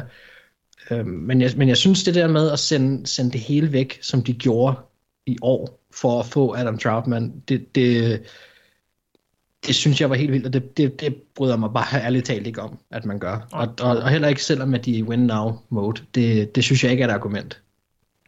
Og et, ellers et hold, øh, som jo har draftet ganske godt over de sidste par år, især for et par år siden, hvor de både 100%. De har jo rigtig, de, rigtig gode spillere. Ja, de har jo vist, hvordan man bygger godt igennem draften, og det er jo ikke ja. fordi, jeg vil heller ikke slå ned på Saints som nogen, som bare altid gør det her. Der kunne man godt finde andre hold, synes jeg, hvor at, at jeg synes, de skulle bruge mere tid på draften, for eksempel Eagles. Uh, men, men, men der er, uh, hvad hedder det, uh, nej, men, men, men der, er, der, altså, der, der har Saints sådan haft fat i den lange ende, men, men når vi kigger nøgtern på draften i år, og jeg bliver spurgt til, hvad for en strategi eller tilgang, jeg ikke kan lide, så bryder jeg mig ikke om det. Nej, modtaget. Så lad os gå videre til Thijs. Ja. Jamen, øh, skal, vi, skal vi lege gætte et hold? Jeg nævner lige records fra 2011 til 2019. øh, 5 og 11, 2 og 14, 4 og 12, 3 og 13, 5 og 11, 3 og 13, 10 og 6, 5 og 11, 6 og 12. Har vi et hold her? Altså, du har jo skrevet det ind i dokumentet. Ja, det- Thijs. det, det er verdens men bedste altså. quiz, det her, Thijs. Ja, ja. Var, var det et hold, der nåede AFC-finalen et år? Ja, Og som okay, slog men det, øh, et, et, et gult og sort hold. det er også rigtigt. Ja, det gør de. Smed de mange penge efter en quarterback? Det er der mange hold, der har gjort, Mark. Nå, okay. Men ja, Men en Men rigtig er- Dårlig quarterback. uanset hvad, så, Ja. øhm, så, så er Jacksonville Jaguars jo ikke, de er jo ikke inde i det. To, eller 10'erne var ikke det mest imponerende år 10 for, for dem. Øh, rekordmæssigt. Altså en gang over seks sejre. Og en af de, altså der er mange grunde til det, træner, hvad ved jeg, og alt muligt. En af grundene til det er, at de draftede utroligt dårligt. Øh, og jeg tror, det kan tælles på en hånd, hvor mange spillere draftede i de første lad os sige, tre runder i, i løbet af tierne, som fik, den anden, eller som fik en anden kontrakt efter deres rookie-kontrakt hos Jacksonville Jaguars. Og det er sjovt, fordi man sidder egentlig næsten, synes jeg, de sidste 5, 6, 7, 8 år, sidder man og siger, Jacksonville Jaguars, de havde da en meget god draft. Og det sidder man også og siger i år. Men jeg bliver nødt til at sige, selvom jeg godt kan lide mange af de spillere, som Jacksonville Jaguars har, har taget i år også, må man også bare pointere, at Jacksonville Jaguars, de drafter utrolig risikabelt. Der, øh, for mig at se, er der en klar korrelation mellem, hvor chancevillige Jaguars har været i de typer, de har taget de sidste 10 år, og deres måske lidt, øh, lidt, for, lidt for mange flops i løbet af draften. Og jeg kan jo godt lide i år, jeg kan super godt lide Caleb Van Chasen. Jeg synes, han var øh, en top 10 spiller i draften. Men man må også bare anerkende, at han er en spiller, der har haft en sæson i college, Produceret egentlig ikke rigtigt som pass rusher i store dele af den college-sæson selv, øh, hvor han spillede. Han har en betydelig skade, som holdt ham ude i et helt år i college. Altså, han har spillet meget lidt. Det kan godt være, at han er atletisk, men han har ikke ret meget erfaring og en skadesrisiko. C.J. Henderson, talentfuld spiller, uden tvivl. Men hvorfor er der mentale blunder i hans spil? Hvorfor er han så dårlig til at takle? Er det, fordi han ikke gider, eller hvad? Der er jo også nogle risiko i det, eller risici i det. Og lad vi skal slå i anden runde. Betydelig skadeshistorik hvad er han overhovedet for en type? Er han wide receiver? Er han hybrid? Er han running back? Altså, de har snakket om, at de vil prøve at gøre ham til alt muligt. Men altså, igen, hans, og hans produktion her i, i senior season sidste sæson, var jo meget lavere, end den har været i, i, eller hvad hedder det, i forrige sæson i 2018. Blandt andet på grund af skaderne. Men altså, igen, det er jo en eller en risiko. Så tager de i en tredje runde en uatletisk runstopper, der ikke rigtig har noget pass rush potentiale, og som først brød igennem i sin, i sin sidste college-sæson. Altså, selvom jeg godt kan lide nogle af de her spillere, som Jaguars har taget, så deres fire første valg er yderst risikable. Og hvis man kigger tilbage gennem årene, så har de jo bare været villige til at tage mange chancer på risikable typer. Sidste år, de tager Jawan Taylor i toppen af anden runde. Det er jo fint nok egentlig. Alle kunne godt lide Jawan Taylor. Jeg kunne godt lide Jawan Taylor, men der var jo en grund til, at han faldt til anden runde. Der var jo en skadeshistorik. Det var derfor, han faldt. De var bekymrede for hans skade. Jeg tror, der var et knæ i hans tilfælde. Så tager de en tight end ud af en lille skole, og så tager de Quincy Williams, der også er en linebacker ud af en lille skole, og ingen kendt. I 2018, de tager Taven Bryan, der havde meget lav produktion i college, var meget atletisk, men altså, han var en meget upoleret spiller. Det samme med DJ Chark. Altså, nogle af de her spillere ender jo med at, at blive gode nok, men altså, det er nogle betydelige risici. I 2017 tager de Leonard Fournette. Han har heller ikke den bedste work. De tager også en type som Didi Westbrook, der blev smidt ud af et, høj, sådan et møde til Combine, ikke? Øh, med et hold, vel at mærke. Han blev smidt ud af et hold til et Combine-møde, fordi han ja, pissede med eller et eller andet. Altså, Jalen Ramsey er måske heller ikke den letteste type at håndtere. Det har en Ngakwe heller ikke vist sig. Jeg ved ikke, om det var noget, man frygtede, da man draftede den, men måske. Altså, Miles Jack draftede de jo også. Han havde en betydelig skadeshistorik. Altså, så, så de har bare været, de har været villige, synes jeg, til at tage utrolig mange chancer på rigtig mange spillere. Om det gælder skader, eller off-field issues, eller, eller lav produktion i college, og hvad ved jeg. Så må man bare sige, at altså, jeg er ikke fan af, at man måske tager så mange chancer, som Jaguars gør i deres draft-strategi. Draft Twitter sidder altid og siger, det er fedt, fordi de tager de her chancer, og øh, de her spillere er spændende, og der er synes meget potentiale og sådan noget. Men der er jo en grund til, at de ikke bliver taget af de andre. For det er fordi, det er projekter, eller off-field problemer, eller skadesproblemer og sådan noget. Og det synes jeg bare, man må anerkende, at, at det er jo fint at tage nogle af de chancer. Men jeg synes måske, at Jaguars reelt set over de sidste mange år har taget for mange af dem, og de har også taget nogle af dem igen i år. Og det kan godt være, det virker. Det, det har det jo gjort. Altså i 2016 tager de Jalen Ramsey, Miles Jack og Yannick Ngakwe. At de så på grund af træner og alt muligt andet har fucket op med to af dem formentlig. Det er jo så ikke nødvendigvis draftens skyld. Men det er i hvert fald, synes jeg bare, værd at anerkende, at Jaguars har draftet utrolig risikabelt over de sidste mange år. Og det har de også gjort igen i år. Mm. Og, og så det... du er ikke enig med uh, Peter Skroman, der spørger os, om uh, Jaguars ikke havde en sneaky god draft? Jamen jo, både og. For jeg synes jo egentlig, de har taget spillerne mange af de rigtige steder i en eller anden, i en eller anden forstand. Men man må også bare sådan, hvor mange chancer er du villig til at tage? Altså, det at drafte handler jo om på en eller anden måde at placere odds. Altså, hvor, hvor, hvornår er du villig til at tage chancen på det her? Hvor meget vil du odds på den her spiller? Og det er fair nok at tage chancen på en risikabel spiller, men hvis du tager risikabel, altså chancen på en risikabel spiller nærmest hver gang, så tror jeg ikke, du vinder i det lange løb. Altså, jeg vil kombinere det her med nogle lidt sikre typer i, i lidt højere grad, i stedet for at jeg synes, alle de fire første valg, som Jaguars tager i år, kommer med betydelig risiko for at ikke at blive til det, som man gerne vil se når de, med, med de valg, der er investeret i dem. Og det mm. synes jeg også, man kan, altså nogle af de andre år vidner om. Så altså, det, det er mere det faktum. Altså, de må gerne tage en Caleb Von Chason. Det vil jeg også gøre. Jeg vil også tage ham i, med de 20. valg, som de gjorde. Intet problem. Henderson vil jeg måske tage i top 10, men det, altså, tage ham i top 20, jo, sure. Det må du gerne. Men det er kombinationen af, at de tager dem alle sammen, skulle jeg til at sige, at de tager, de tager så mange chancer, som de gør, at det også, synes jeg, kan medføre en trup, som måske har lidt for mange typer, der er svære at håndtere, eller lidt for mange typer, der har hvad ved jeg, off-field problemer eller skadesproblemer og sådan noget, øh, eller, eller måske ikke bare har den bedste arbejdsmoral. Så jeg siger ikke, det ikke kan virke. Der er også gode spillere i den her liste, som jeg sad og nævnte. Der er flere gode spillere end da. Og der er også noget kultur på grund af trænerstaben og sådan noget, som har skabt problemer for Jalen Ramsey og Ngakwe og hvad ved jeg. Og det er jo også en del af det. Men jeg synes bare, at man, man skal ikke underkende, at Jaguars har taget rigtig mange chancer gennem rigtig mange af de her drafts. Og der er, det, det bider dem bare lidt bag i nogle gange, synes jeg. Selvom man med eneste år sidder og siger, der var god værdi på ham der, fordi han, ham havde vi troet ville gå noget før. Ja, men der var en grund til, at han ville gå noget før. Det, det, var også det, vi sad og snakker om lige før. Der er noget skadeshistoriker, der er noget et eller andet, der er noget off-field, eller hvad ved jeg. Og det er jo grunden til, at de falder, men der har Jaguars bare været villige til at tage mange af de chancer. Må det ikke også Dave Caldwell, general manager, han, øh, han sidder på et øh, rimelig varmt sæde? Det skulle man tro, ikke? Altså nu sad jeg og nævnte records her fra 2011 til 2019. Han har været GM siden 2013, og han har haft én sæson med over seks sejre. Ja. Det er med imponerende. Og som du siger, det er bare ikke mange spillere, der er øh, gode spillere, som de har draftet, som stadig er der. Øh, Jalen Ramsey er væk, Telvin Smith er væk, andre årsager går nok væk, men, men der er mange af dem, der, der forsvinder, og så er der også mange af dem, der bare ikke er, er blevet gode. Nå, lad os gå videre til den sidste kategori, og den er et udtryk for, at alting jo ikke altid er så sort-hvidt i, i NFL, så jeg har spurgt uh, de her, hvilken strategi eller tilgang, der overraskede dem, eller som de, og som de måske ikke helt kan finde ud af, om var god eller dårlig. Anders, vil du ikke uh, lægge ud?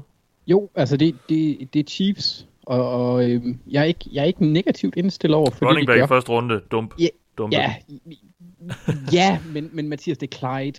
Øh, men ja. jo, det er jo, altså, jeg vil, jeg vil kalde det den situation, de har i, det er det, det de gør, det er, at de egentlig bygger styrke på noget, der allerede er stærkt. Det er en slags luksusdraft. Øhm, ja. Og det, det er virkelig sådan en situation, hvor det både kan blive en and og en killing. Ja, ja. Øhm, det er klassiske. Ja, ja, ja og som Dilemma. sagt, så, så, så elsker jeg Clyde, men, men man kan altid stille spørgsmålstegn ved det at tage en running back i første runde. Øhm, og så er jeg også sådan lidt, jeg synes det er en blandet omgang her, fordi de tager blandt andet øh, Okay, jeg starter det jeg godt kunne tænke mig, fordi de adresserer egentlig ikke deres største hul her, øh, hvilket egentlig er voldsomt. Øh, eller det er et markant hul, og det er deres cornerbacks. Det kunne så selvfølgelig også godt være, at de tænker, at det fuldstændig ligegyldigt. De har også lige fyret deres punter. Det kan være, at de tænker, at Patrick Mahomes, han kaster bare. Det, det går. øh, men det undrer mig lidt, at de ikke adresserer øh, det behov før, de tager, øh, tager en spiller lidt senere i draften, der hedder øh, Legarius Sneed. Men jeg har lidt svært ved at finde det, fordi det er også, eller finde ud af, om jeg synes, det er godt, for de har også en tendens til at tage de her lidt kontroversielle spillere. Det gjorde de med Tyreek Hill, og det har de gjort igen i år. Altså, de har vanvittig atletisk upside, men noget broet historik uden for banen. Øh, og i år er det jo så Willie Gay Jr., som øh, blandt andet er blevet suspenderet i otte kampe for akademisk snyd. Det vil sige, at han gjorde noget, som en del college-spillere går ud fra at gøre, særligt i Mississippi. Øh, ja, det er fordi, jeg har set en dokumentar omkring det. De får en tutor til at lave deres skolearbejde. Knap så smart. Og så skulle han også have været kommet op og slås med en quarterback inden en bowlkamp. Det er selvfølgelig heller ikke så smart. Men det, det er lidt ligesom, øh, hvad hedder det, Tyreek Hill, der også havde en tendens til at slå på ting, han ikke skulle. Øhm, og de har sådan set også i andre spillere, blandt andet med en brud øh, historie i øh, Frank Clark, og så i en lidt mindre broet udgave, Tyron Matthew, hvor at hans problemer mere gik ud over ham selv, mens øh, Clark, Hill og Gay havde det med at tæve folk. Øhm, så, så det, det, det er sådan, jeg, jeg kan ikke helt finde ud af, hvad jeg synes om det. De får sindssygt god værdi øh, på mange af deres valg her, hvis man lige ser bort fra Clyde. Øhm, de tager en offensiv tackle, som er rangeret væsentligt højere. Øh, hvis man blandt andet kigger på Thijs' big board, de tager ham med 96 eller sådan noget, og Thijs har ham, som spiller 47 eller 46. Øhm, og derfor får de jo god værdi. Og det er jo egentlig det, de gør generelt, eller gør ret ofte. Øh, de får vanvittig god værdi på de spillere, hvor de så rammer. Men jeg synes bare, det er sådan, jeg kan ikke helt finde ud af, om jeg synes, det er lækkert, eller om jeg synes, det er sådan lidt med. Mm. Fordi der er en, en stor boomer-bust værdi i det her. Øhm, ja, og så ja. igen, det, det undrer mig med, med deres cornerback, deres backfield på det punkt, hvor de har Brashard Breland og Tavares Ward. Og Breland er jo ikke, altså han har været ude og, og lave nogle, han er i hvert fald blevet taget for at gøre noget, han ikke må køre med øh, open, kan, open alkohol doser eller vinflasker, eller hvad fanden det nu var, sådan noget weed i sin bil. Det plejer, jeg ved ikke helt, hvordan NFL de slår ned på det i den her omgang. Men de er noget tynde på cornerback, og der kunne jeg godt, godt lige have set dem investere et lidt højere valg. Jamen så lad os lige gå tilbage til den der running back snak, fordi det er der også nogle, der, nogle af vores lytter, der spørger til, og det er jo så nok fordi, de ved, hvad vi synes om den slags, og det er en af dem er Kasper Jønsson, han spørger, I snakker tit om running backs don't matter, og at det ikke giver mening at tage running backs højt i draften. Men hvad mener I så årsagen kan være til, at hold bliver ved med at tage running backs højt i draften? Og findes der scenarier, hvor det giver mening at tage en running back i første eller anden runde? Øhm, for, for mit vedkommende, og det holder jeg mig stadig til, det er, at hvis running backen er sådan helt exceptionelt så kan man godt tillade sig det.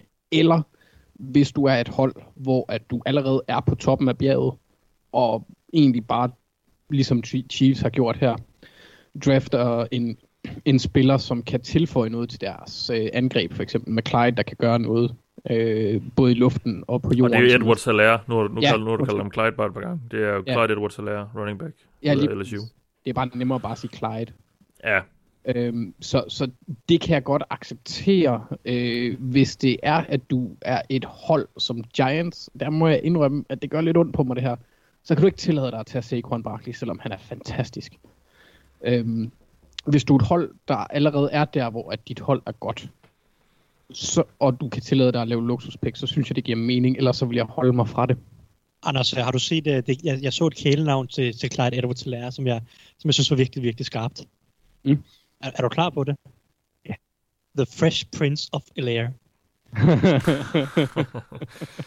Ej, det er godt. Det er faktisk godt. Ja, det er rigtig ja, godt. det er ret godt, ja. ja. Nå, Mark, havde du noget til det her? Jamen, jeg vil lige sige, fordi at, at der bliver spurgt også lidt til, hvad årsagen til, at kan være, at holde blev med at tage dem så højt.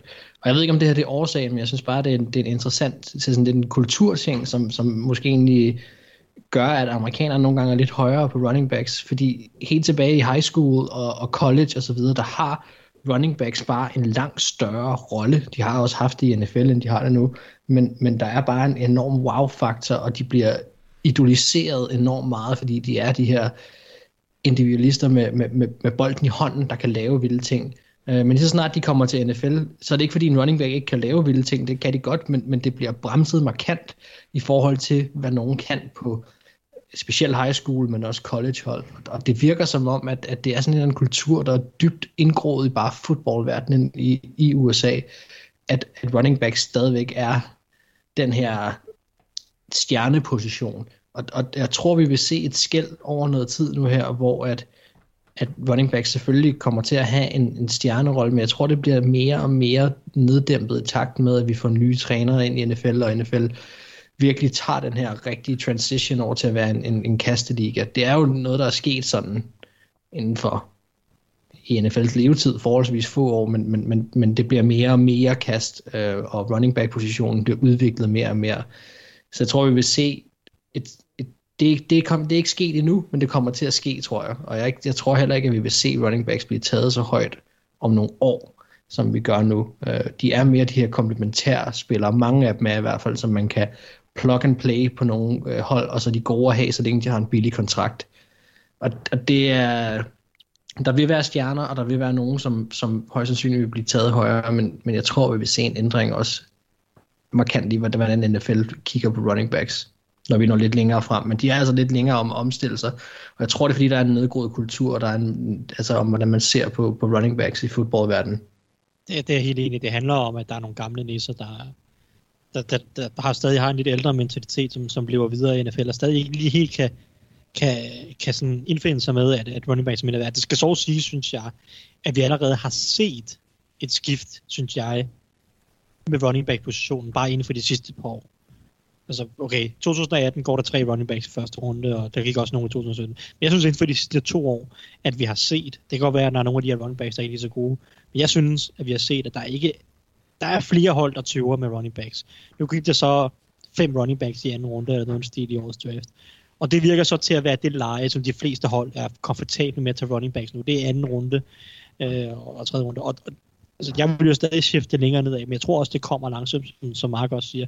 Langsomt vil det vil de bare blive skubbet lidt ned i, i draften, tror jeg. Men det, det handler jo om, at, at der stadig er mange, som mener, at det er meget, meget vigtigt at løbe bolden, og at det er vigtigt at have en mand, der netop kan gøre en forskel, når han har bolden i hænderne. At det, det, som så bare ikke er gået op for alle endnu, det er, at den forskel, han gør i forhold til en gennemsnitlig running back, det betyder bare ikke ret meget i sådan overordnet billede.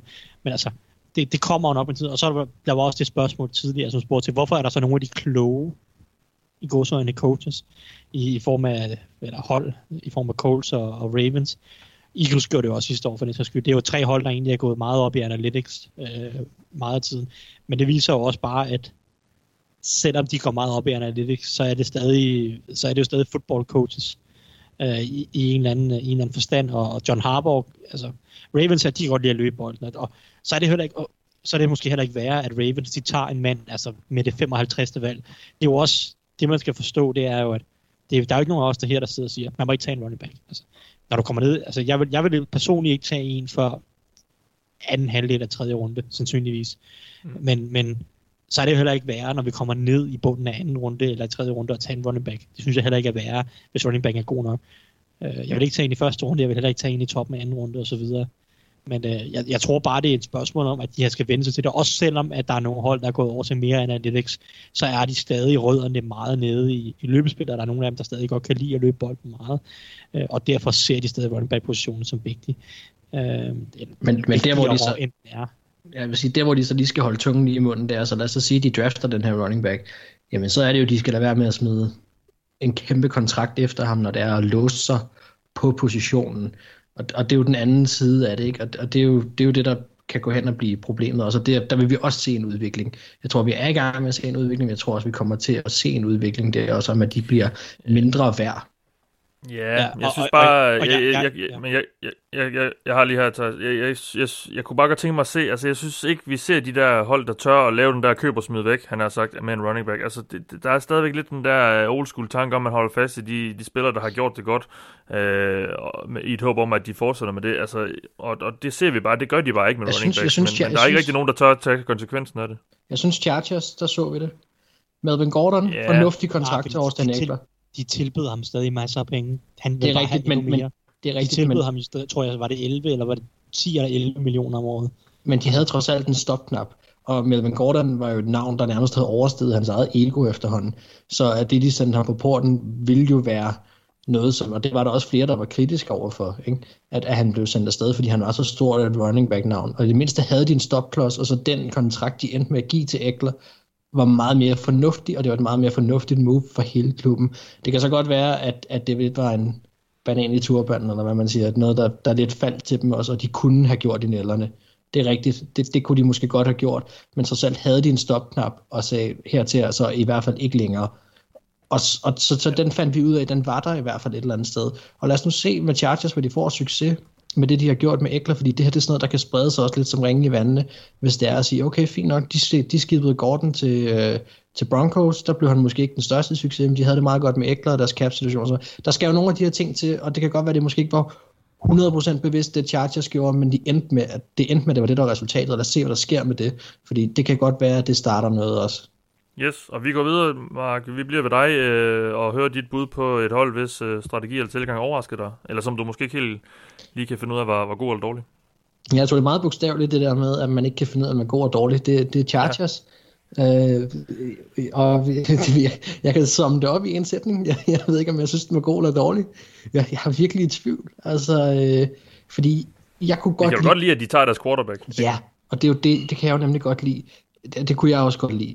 Og så kan man, så, så, kan, så, så der, hvor jeg så bliver i tvivl der, altså jeg kommer til at gøre det her ved næsten hver valg, hvis der er jeg dilemma på alt, men, men her der er det, jamen, burde de så have været mere aggressive og gå efter ture, hvis de gerne vil have en quarterback højt.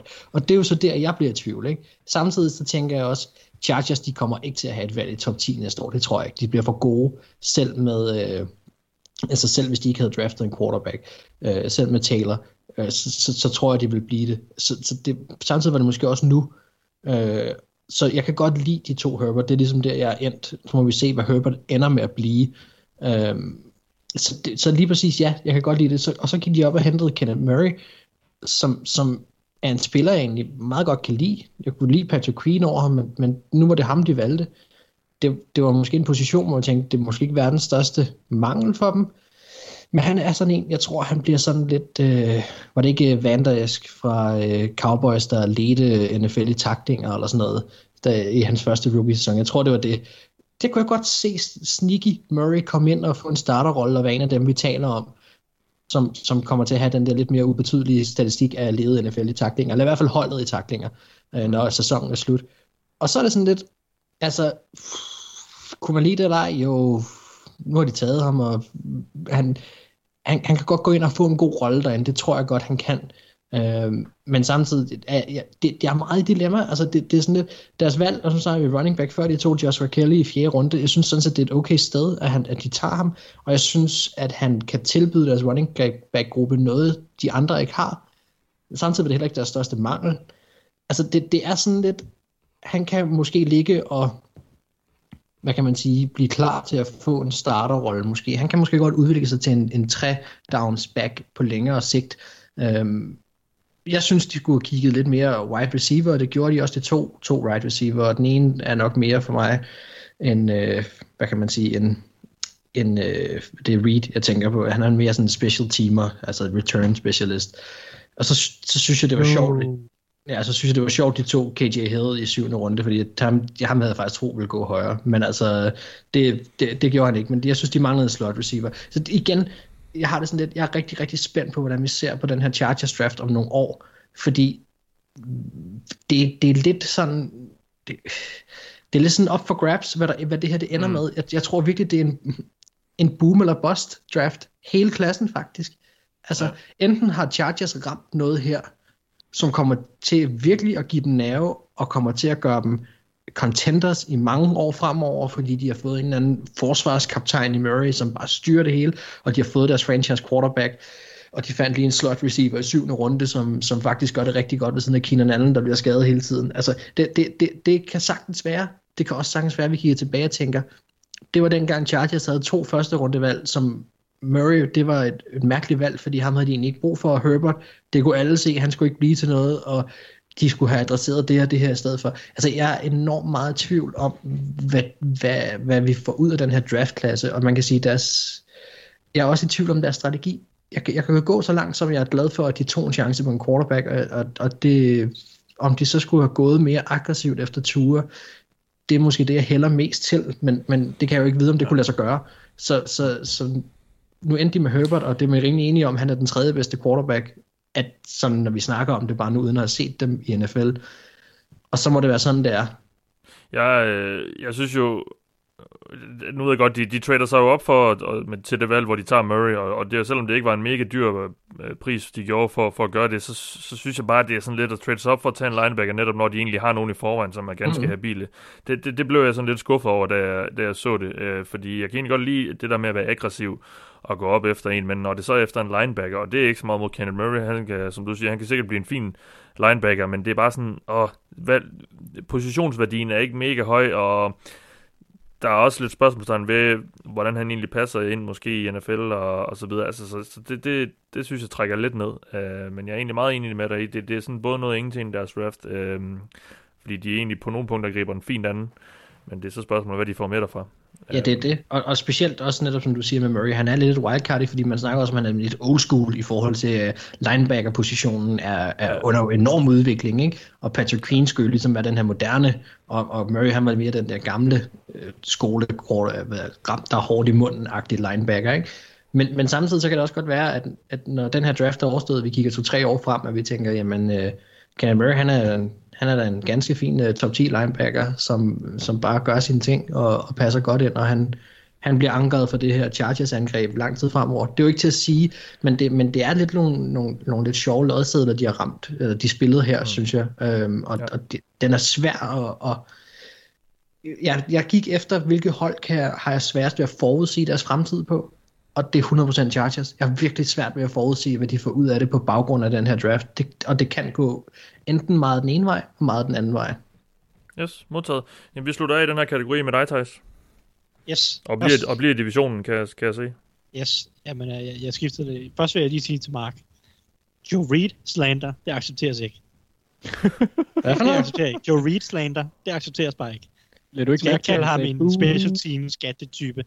Det er noget pjat. Han bliver god. Sådan er det bare. Okay, nå, men det er godt. Det er godt. Jamen, så, så har Chargers så noget at se frem til. Ikke? Øh. Jeg sagde, nu siger jeg bare KJ Hill, men øh, det er fint. Ja, nå, ej, øh, ja, men først havde jeg egentlig taget Jets, men det var egentlig, fordi jeg var mest overrasket over, at de rent faktisk virkede til at, vide, hvad de lavede for første gang i mange år. Men øh, det, øh, jeg, gik mere, jeg skiftede til et hold, som var jeg lidt mere i tvivl om, hvad, om jeg egentlig kan lide, hvad de har gjort. Øh, I en eller anden forstand kan jeg godt, og i en eller anden forstand synes jeg, de har valgt nogle lidt mærkelige spillere. Og det er, det er Las Vegas Raiders. Øh, jeg synes jo, det var helt rigtigt for dem at fokusere på cornerback og wide receiver, og øh, fire af deres seks valg er cornerbacks. Undskyld, fem af deres syv valg er cornerbacks og wide receivers. Og så har de så også taget en safety linebacker hybrid, som også er lidt opbygget, og så taget en O-line. Men jeg synes, det er egentlig rigtigt at fokusere på cornerback og wide receiver. Det var suverænt deres svageste positioner. Der, hvor man kan stille spørgsmålstegn, det er igen det her med, hvor meget er du villig til at sætte på den enkelte spiller. Raiders har to første rundevalg, og jeg synes, de satser rigtig meget med de valg. Generelt i draften, synes jeg jo, at specielt de høje valg, og i første runde, handler det lidt om, at du skal prøve at undgå de værste outliers. Det vil sige, at du skal lade være med at tage dårlige atleter. For de dårlige atleter har det generelt. Øh, øh, det er svært for dem at blive rigtig succesfulde i NFL. Det er bare et faktum. Så godt, der er nogen, der får det til at fungere. Men de outliers. Du skal da være med at satse på at drafte en outlier, bare fordi du synes, han virker sød og øh, har noget øh, pænt tape og hvad ved jeg, sådan noget. Ikke? Og jeg synes, Raiders har draftet de tre første valg af ret store outliers. Henry Rocks på alle parametre i forhold til, hvad der er normal college-produktion for, eller normalvis er god college-produktion for en wide receiver, så er han en outlier. Noget af det kan forklares med, at han spiller hos Alabama, der har en masse andre gode receiver osv., men han er en outlier. Er det fair nok at tage ham? Sure. Men så kombinerer du ham med Damon Arnett, der er på endnu flere parametre nærmest er en outlier. Arnett han løb halvlangsomt til Combine, så det kan godt være, at Raiders er ude og sige, ja, vi sad med vores stopure, og der løb han 4-4, eller hvad de har været ude at sige. Hvilket er bare en joke, når der står en lasermåler og måler ham til 4, 5, 6 eller hvad det er. Jamen, det, er så, det er så dumt, at NFL de bare sidder med deres stopur og siger, ja, de er cirka 1500 det er en hurtigere end lasertiden. Vi tager vores stopur. Altså, kom nu? Altså, jamen, altså, det er så dumt. Men, øh, men, men uanset hvad, de tager en Damon Arnett, der er for det første lidt undersized, har virkelig korte arme, så en anden sådan, lille ting at no- notere sig i hvert fald sådan, i forhold til mange hold kan godt lide at have en cornerback, der har lange arme, fordi det er nemmere for ham så at spille catch point, ikke? Øh, så har han korte arme, han er oppe i årene, han er 24, vel at mærke, jeg tror, jeg bliver 24 her i sin løbet af sin rookie-sæson. Så han, det er en spiller, som ikke rigtig har brudt igennem, før han var nærmest ældre end alle andre på banen i college. Og jeg synes, det betyder noget, øh, eller jeg synes, det er i hvert fald værd at notere sig i, i den forbindelse, at, at han er mere udviklet end nærmest alle andre på banen. Hvor meget mere kan han udvikle sig? Hvor meget mere kan han ligge ovenpå? Specielt fordi han så ikke er nogen freak-atlet, men tværtimod falder lavere end nærmest, altså, altså ligger under det, det atletiske gennemsnit for positionen. Altså, det, det er endnu en outlier at satse på med første runde. Jeg kunne godt lide Damon Arnett's tape. Jeg synes, jeg synes det, han, var, han var sjov at se på. Jeg havde ingen problemer med at tage ham i anden runde. Men at tage ham i top 20, det synes jeg er en risiko for de outlier. Lynn Bowden, Bowden tager de i tredje runde. Cornerback, running back, eller quarterback, running back, wide receiver i college, alt. Hvad er han for en type? De har annonceret ham som running back. Jeg, jeg så ham som en slot wide receiver. Det er igen en chance øh, på alle mulige måder at finde en rolle til ham. Øh, så jeg synes, de har taget nogle chancer her, Raiders. Og, og det kan godt være, det ender med at gå godt. Det kan godt være, at Henry Roxon bliver i et mega base, fordi han er sindssygt hurtig. Men de har satset på outliers med de tre første valg. Og det synes jeg altid er, er, er farligt, i hvert fald. Så jeg glæder mig til at se, hvordan Raiders' draft går. Jeg ved ikke, om den, går, den er god og dårlig, fordi jeg kan egentlig godt lide både Rocks og Arnett. Øh, men øh, den var ikke uden betydelig risiko. Anders? Ja, altså, nu har vi været inde på Patriots, der tager spillere, der, der sådan passer til en rolle, og så Jacksonville, der tager chancer. Kan man ikke sige, at det her det var lidt en blanding af de to drafts for, for øh, hvad hedder det, for Raiders, fordi Damon Arnett var en, som Mike Mayer angiveligt skulle være dybt forelsket i, og da de ikke havde noget anden rundevalg, og der ikke rigtig var nogen, der gad at trade ned med dem, så nappede han bare ham der, fordi at de godt kan lide den type, han er. Øhm, jo. Virker det ikke sådan lidt som en blanding? Jo, på mange måder, og, og jeg kan godt forstå øh, Mike Mayer i en eller anden forstand. I sidste ende er jeg bare ikke fan af at tage sådan et valg, fordi det er igen også, hvis man kigger på, hvis snakker vi meget om sådan uh, need versus best player available sidste gang og sådan noget. Raiders, det var godt nok en need-fokuseret draft, ikke? Tre wide receivers mm. i de første fire valg, og så to cornerbacks derudover det, uh, i, i, i blandt de syv spillere, de vælger.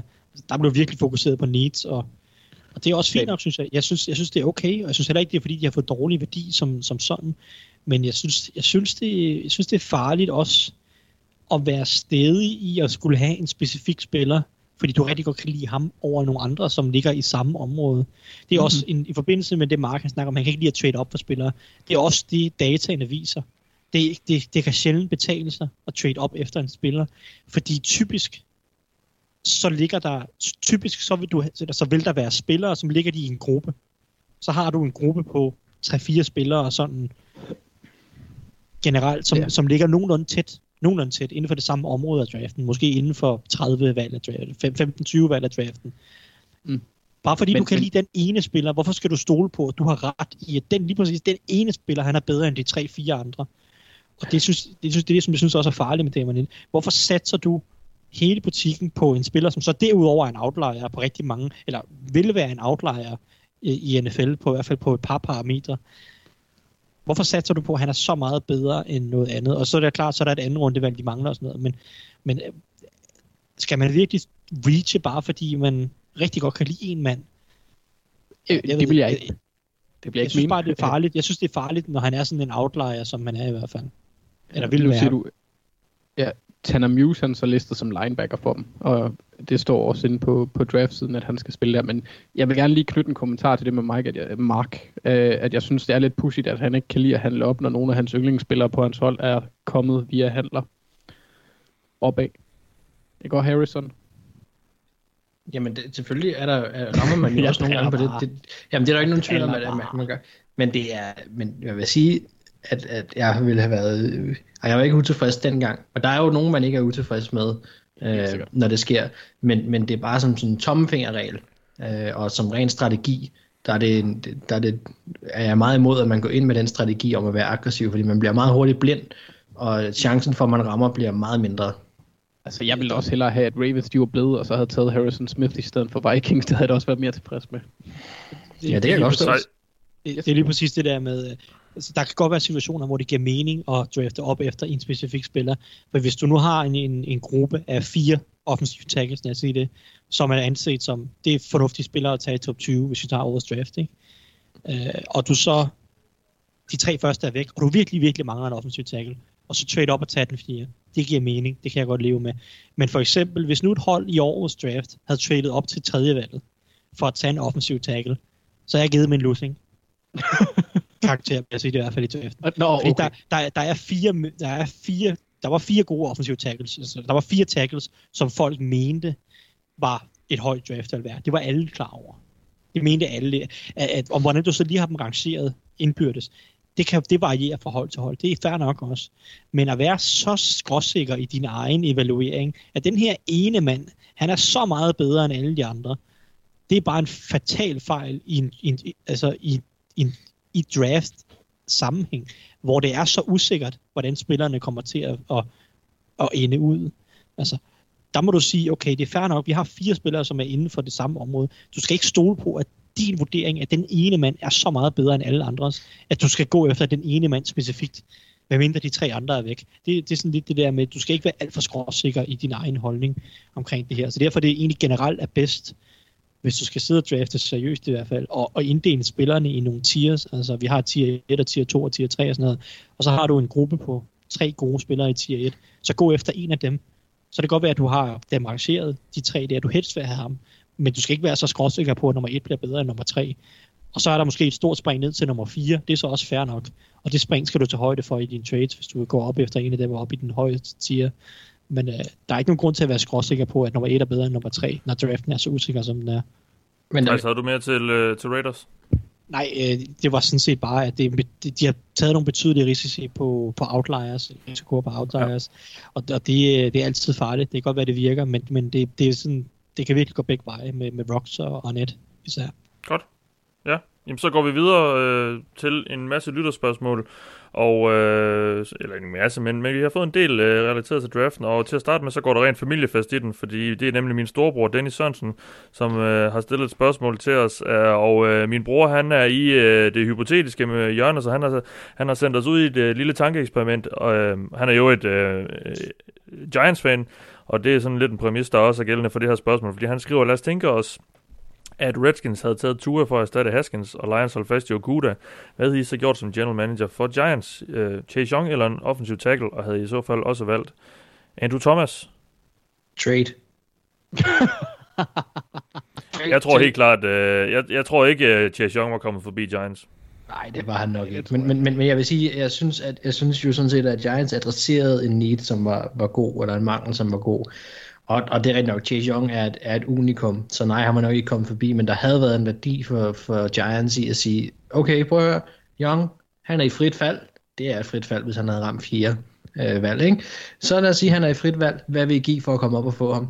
Og så hvis de kunne rykke bare et par brækker tilbage, eller pladser tilbage, så kunne de sikkert score sig et højt valg, måske endda et andet rundevalg, plus få en tackle, som sagtens kunne være Thomas også alligevel. Og det er der altså god værdi i også. Så det synes jeg, jeg sådan set, at, at Ja. Jeg synes Nå, bare, det synes med det de har, eller, eller ikke har på defensive end, så, så havde det været en no-brainer med Young, synes jeg. Ja, måske. Det kunne det, det kunne det godt have været. Jeg synes bare, at det her, det, lad os nu sige, det, det er en interessant situation, hvis han falder. Det er interessant at se, hvad hold ville betale for at komme op på den, op på den fjerde plads der.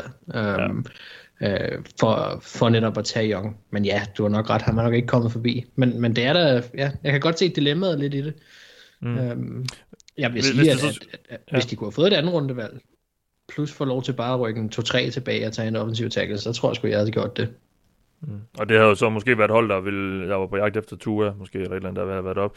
Hvis det nu skulle have været en, en tackle, Thijs, havde du så også gået med, med Thomas?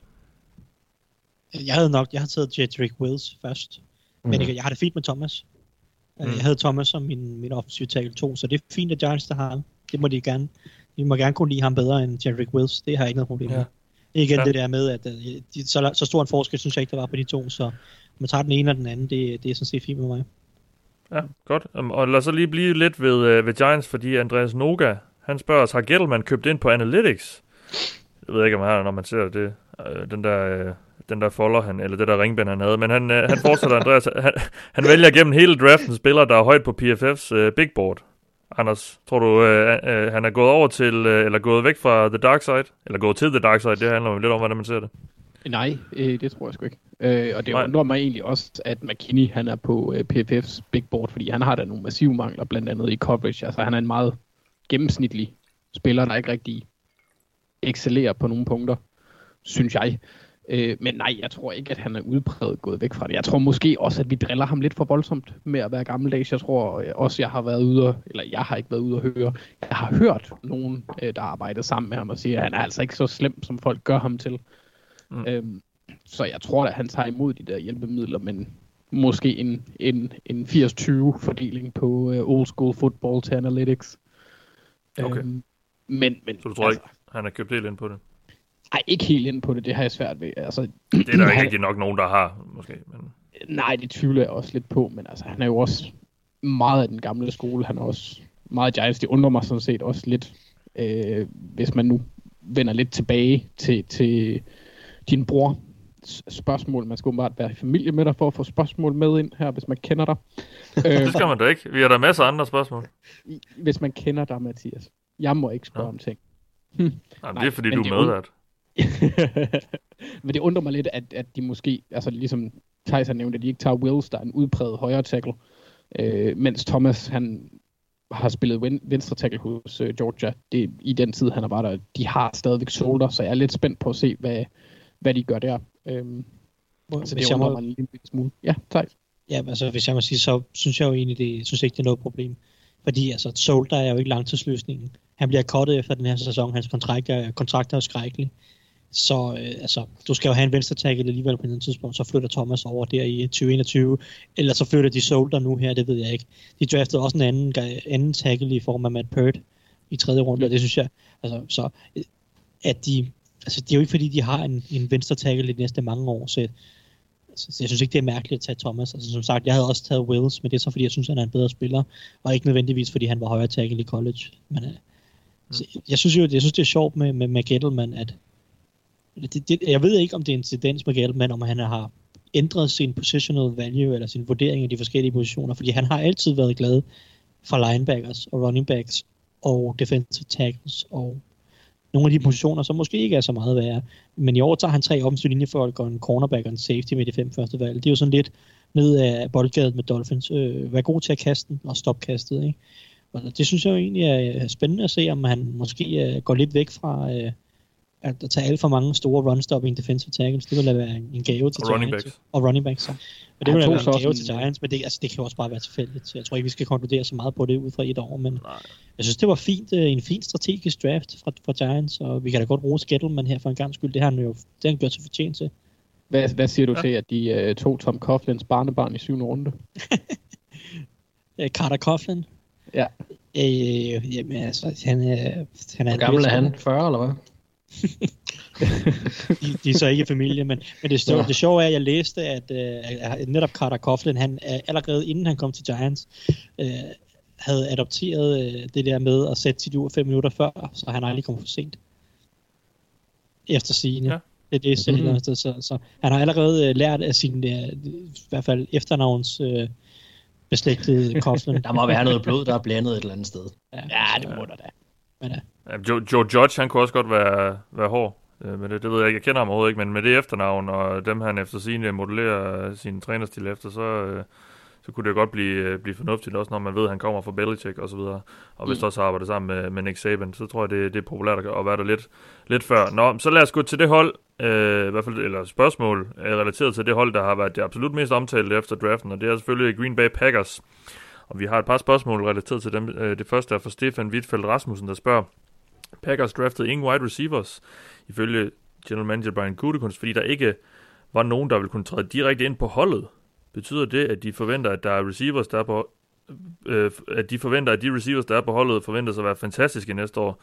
Ja, det er jo øh, lidt interessant, synes jeg jo, fordi øh, jeg synes, det der argument med, at der ikke er nogen, der vil kunne træde direkte ind på holdet, det, det, det er lidt mærkeligt, fordi man drafter jo netop for, at de skal udvikle sig. Men jeg ved ikke, hvad I tænker. Hvor det, det er fuldstændig åndssvagt sagt. Ja. Bund, bund ærligt, det er helt åndssvagt, og det er, det er en, som, som så meget skal gøre op for, at han får så meget ris efter den måde, draften er blevet håndteret på, som, som han har gjort.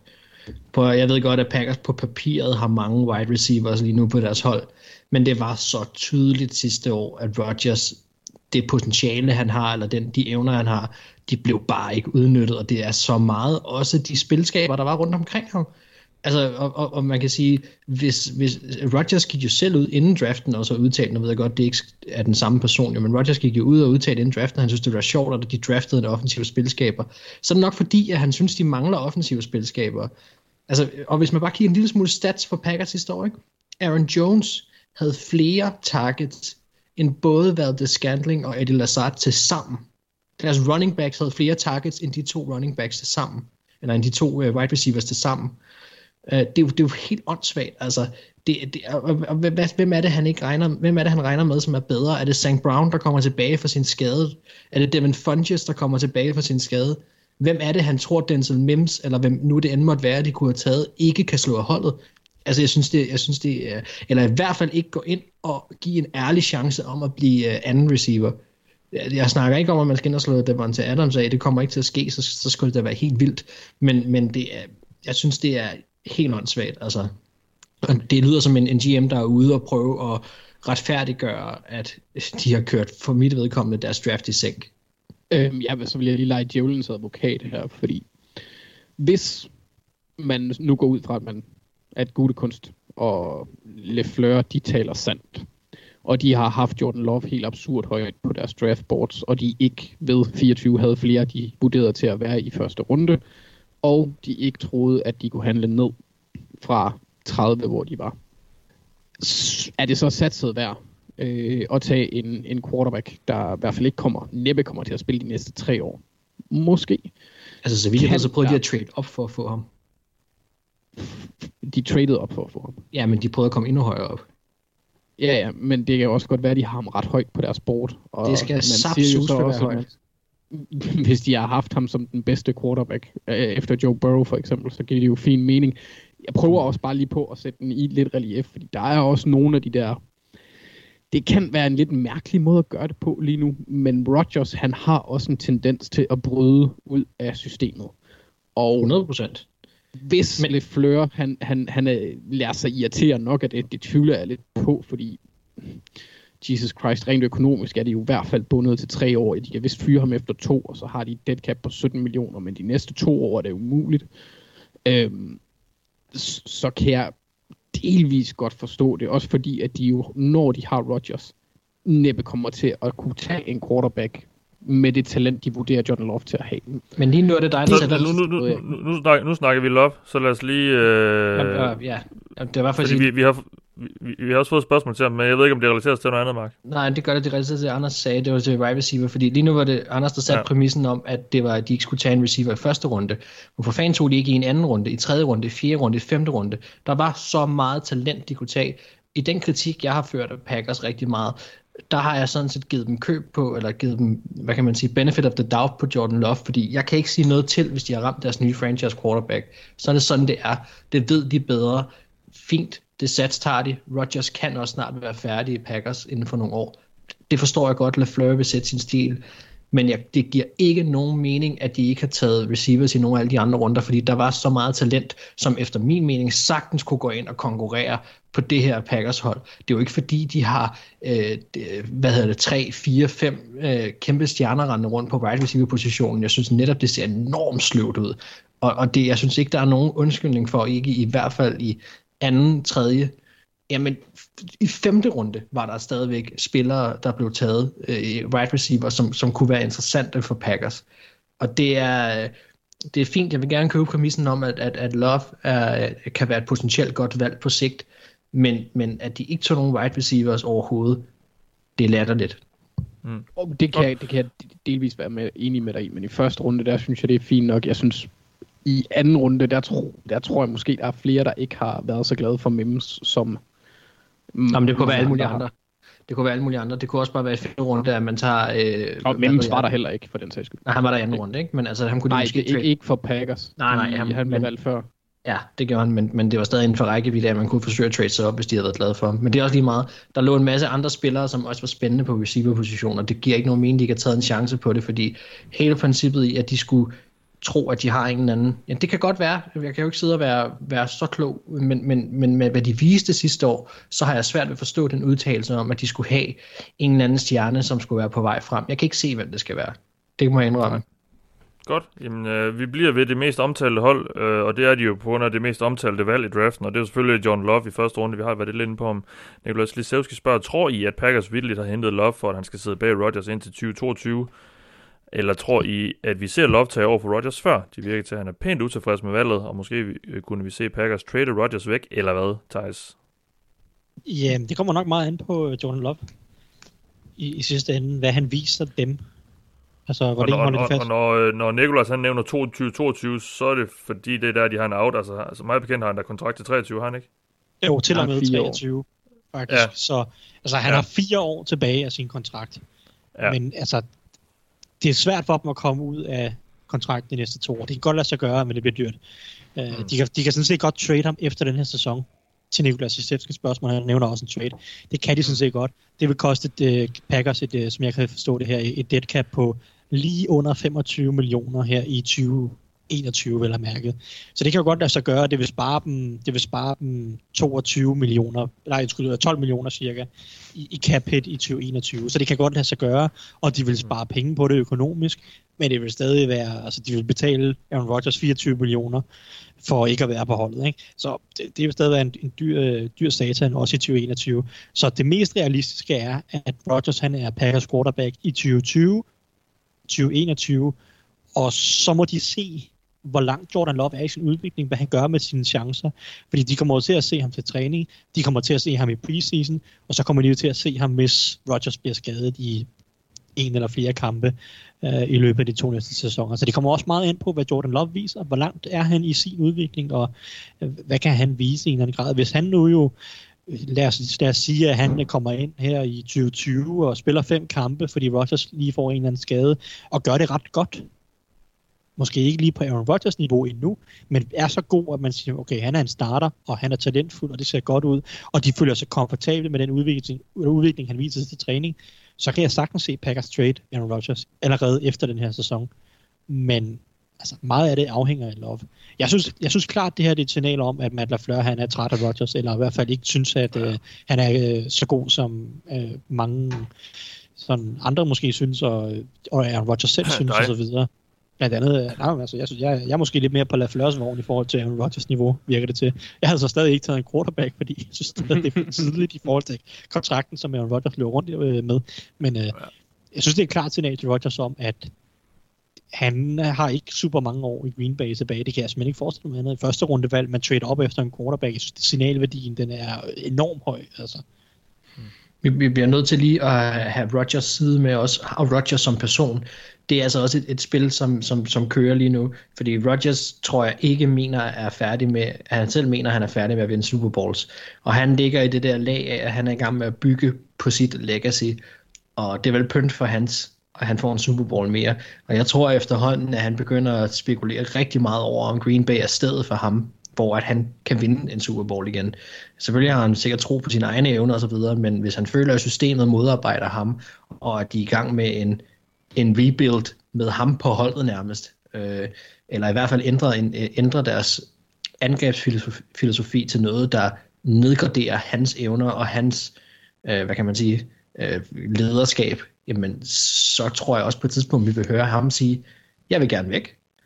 Og, og det, det, det tror jeg altså lige så stille også er noget, der begynder at groome. Altså man kan sige, winning cures it all. Og sådan er det. Hvis Green Bay går ud og vinder 14-2 den her sæson, så er det nok næsten ligegyldigt, hvor dårligt de end har det. Så, så går alt nok godt. Men der skal meget, meget, meget lidt til nu, tror jeg, før at der kommer dårlig stemning på det her hold. Der skal begynde at gå meget, meget, meget lidt øh, forkert, før det her det begynder at blive rigtig interessant. Og Rodgers har en, en, en, en særlig karakter også rent personlighedsmæssigt, og det virker til, at LaFleur og ham går lidt på kant med hinanden, og, og der, øh, NFL-spillere får bare mere og mere og mere magt, altså, og, og jeg ved godt, at han er bundet af kontrakt og så videre, men hvis han siger, at han vil væk, jamen så er det jo noget, de, de må tage seriøst.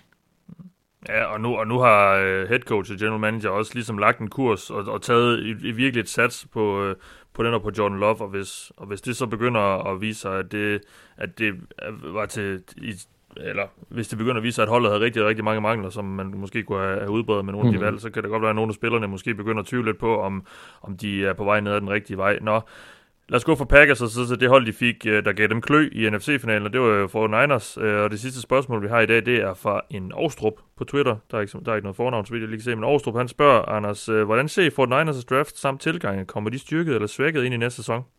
Øh, jeg synes, de gjorde det fremragende. Øhm, de tog en spiller, hvis potentiale kan være den nye DeForest Buckner, så de kan risikere, ikke risikere, de kan få en billigere udgave, der kan producere i nærheden og eventuelt udvikle sig til at producere det samme. Så tog de en wide receiver, som passer som fod i hose til Kyle Shanahans system lige nu. Og så fik de Ayuk. Trent Williams. Ja, i Brandon Ayuk. Øh, men som jeg blev forelsket i, på grund af, at han er god til at løbe slants.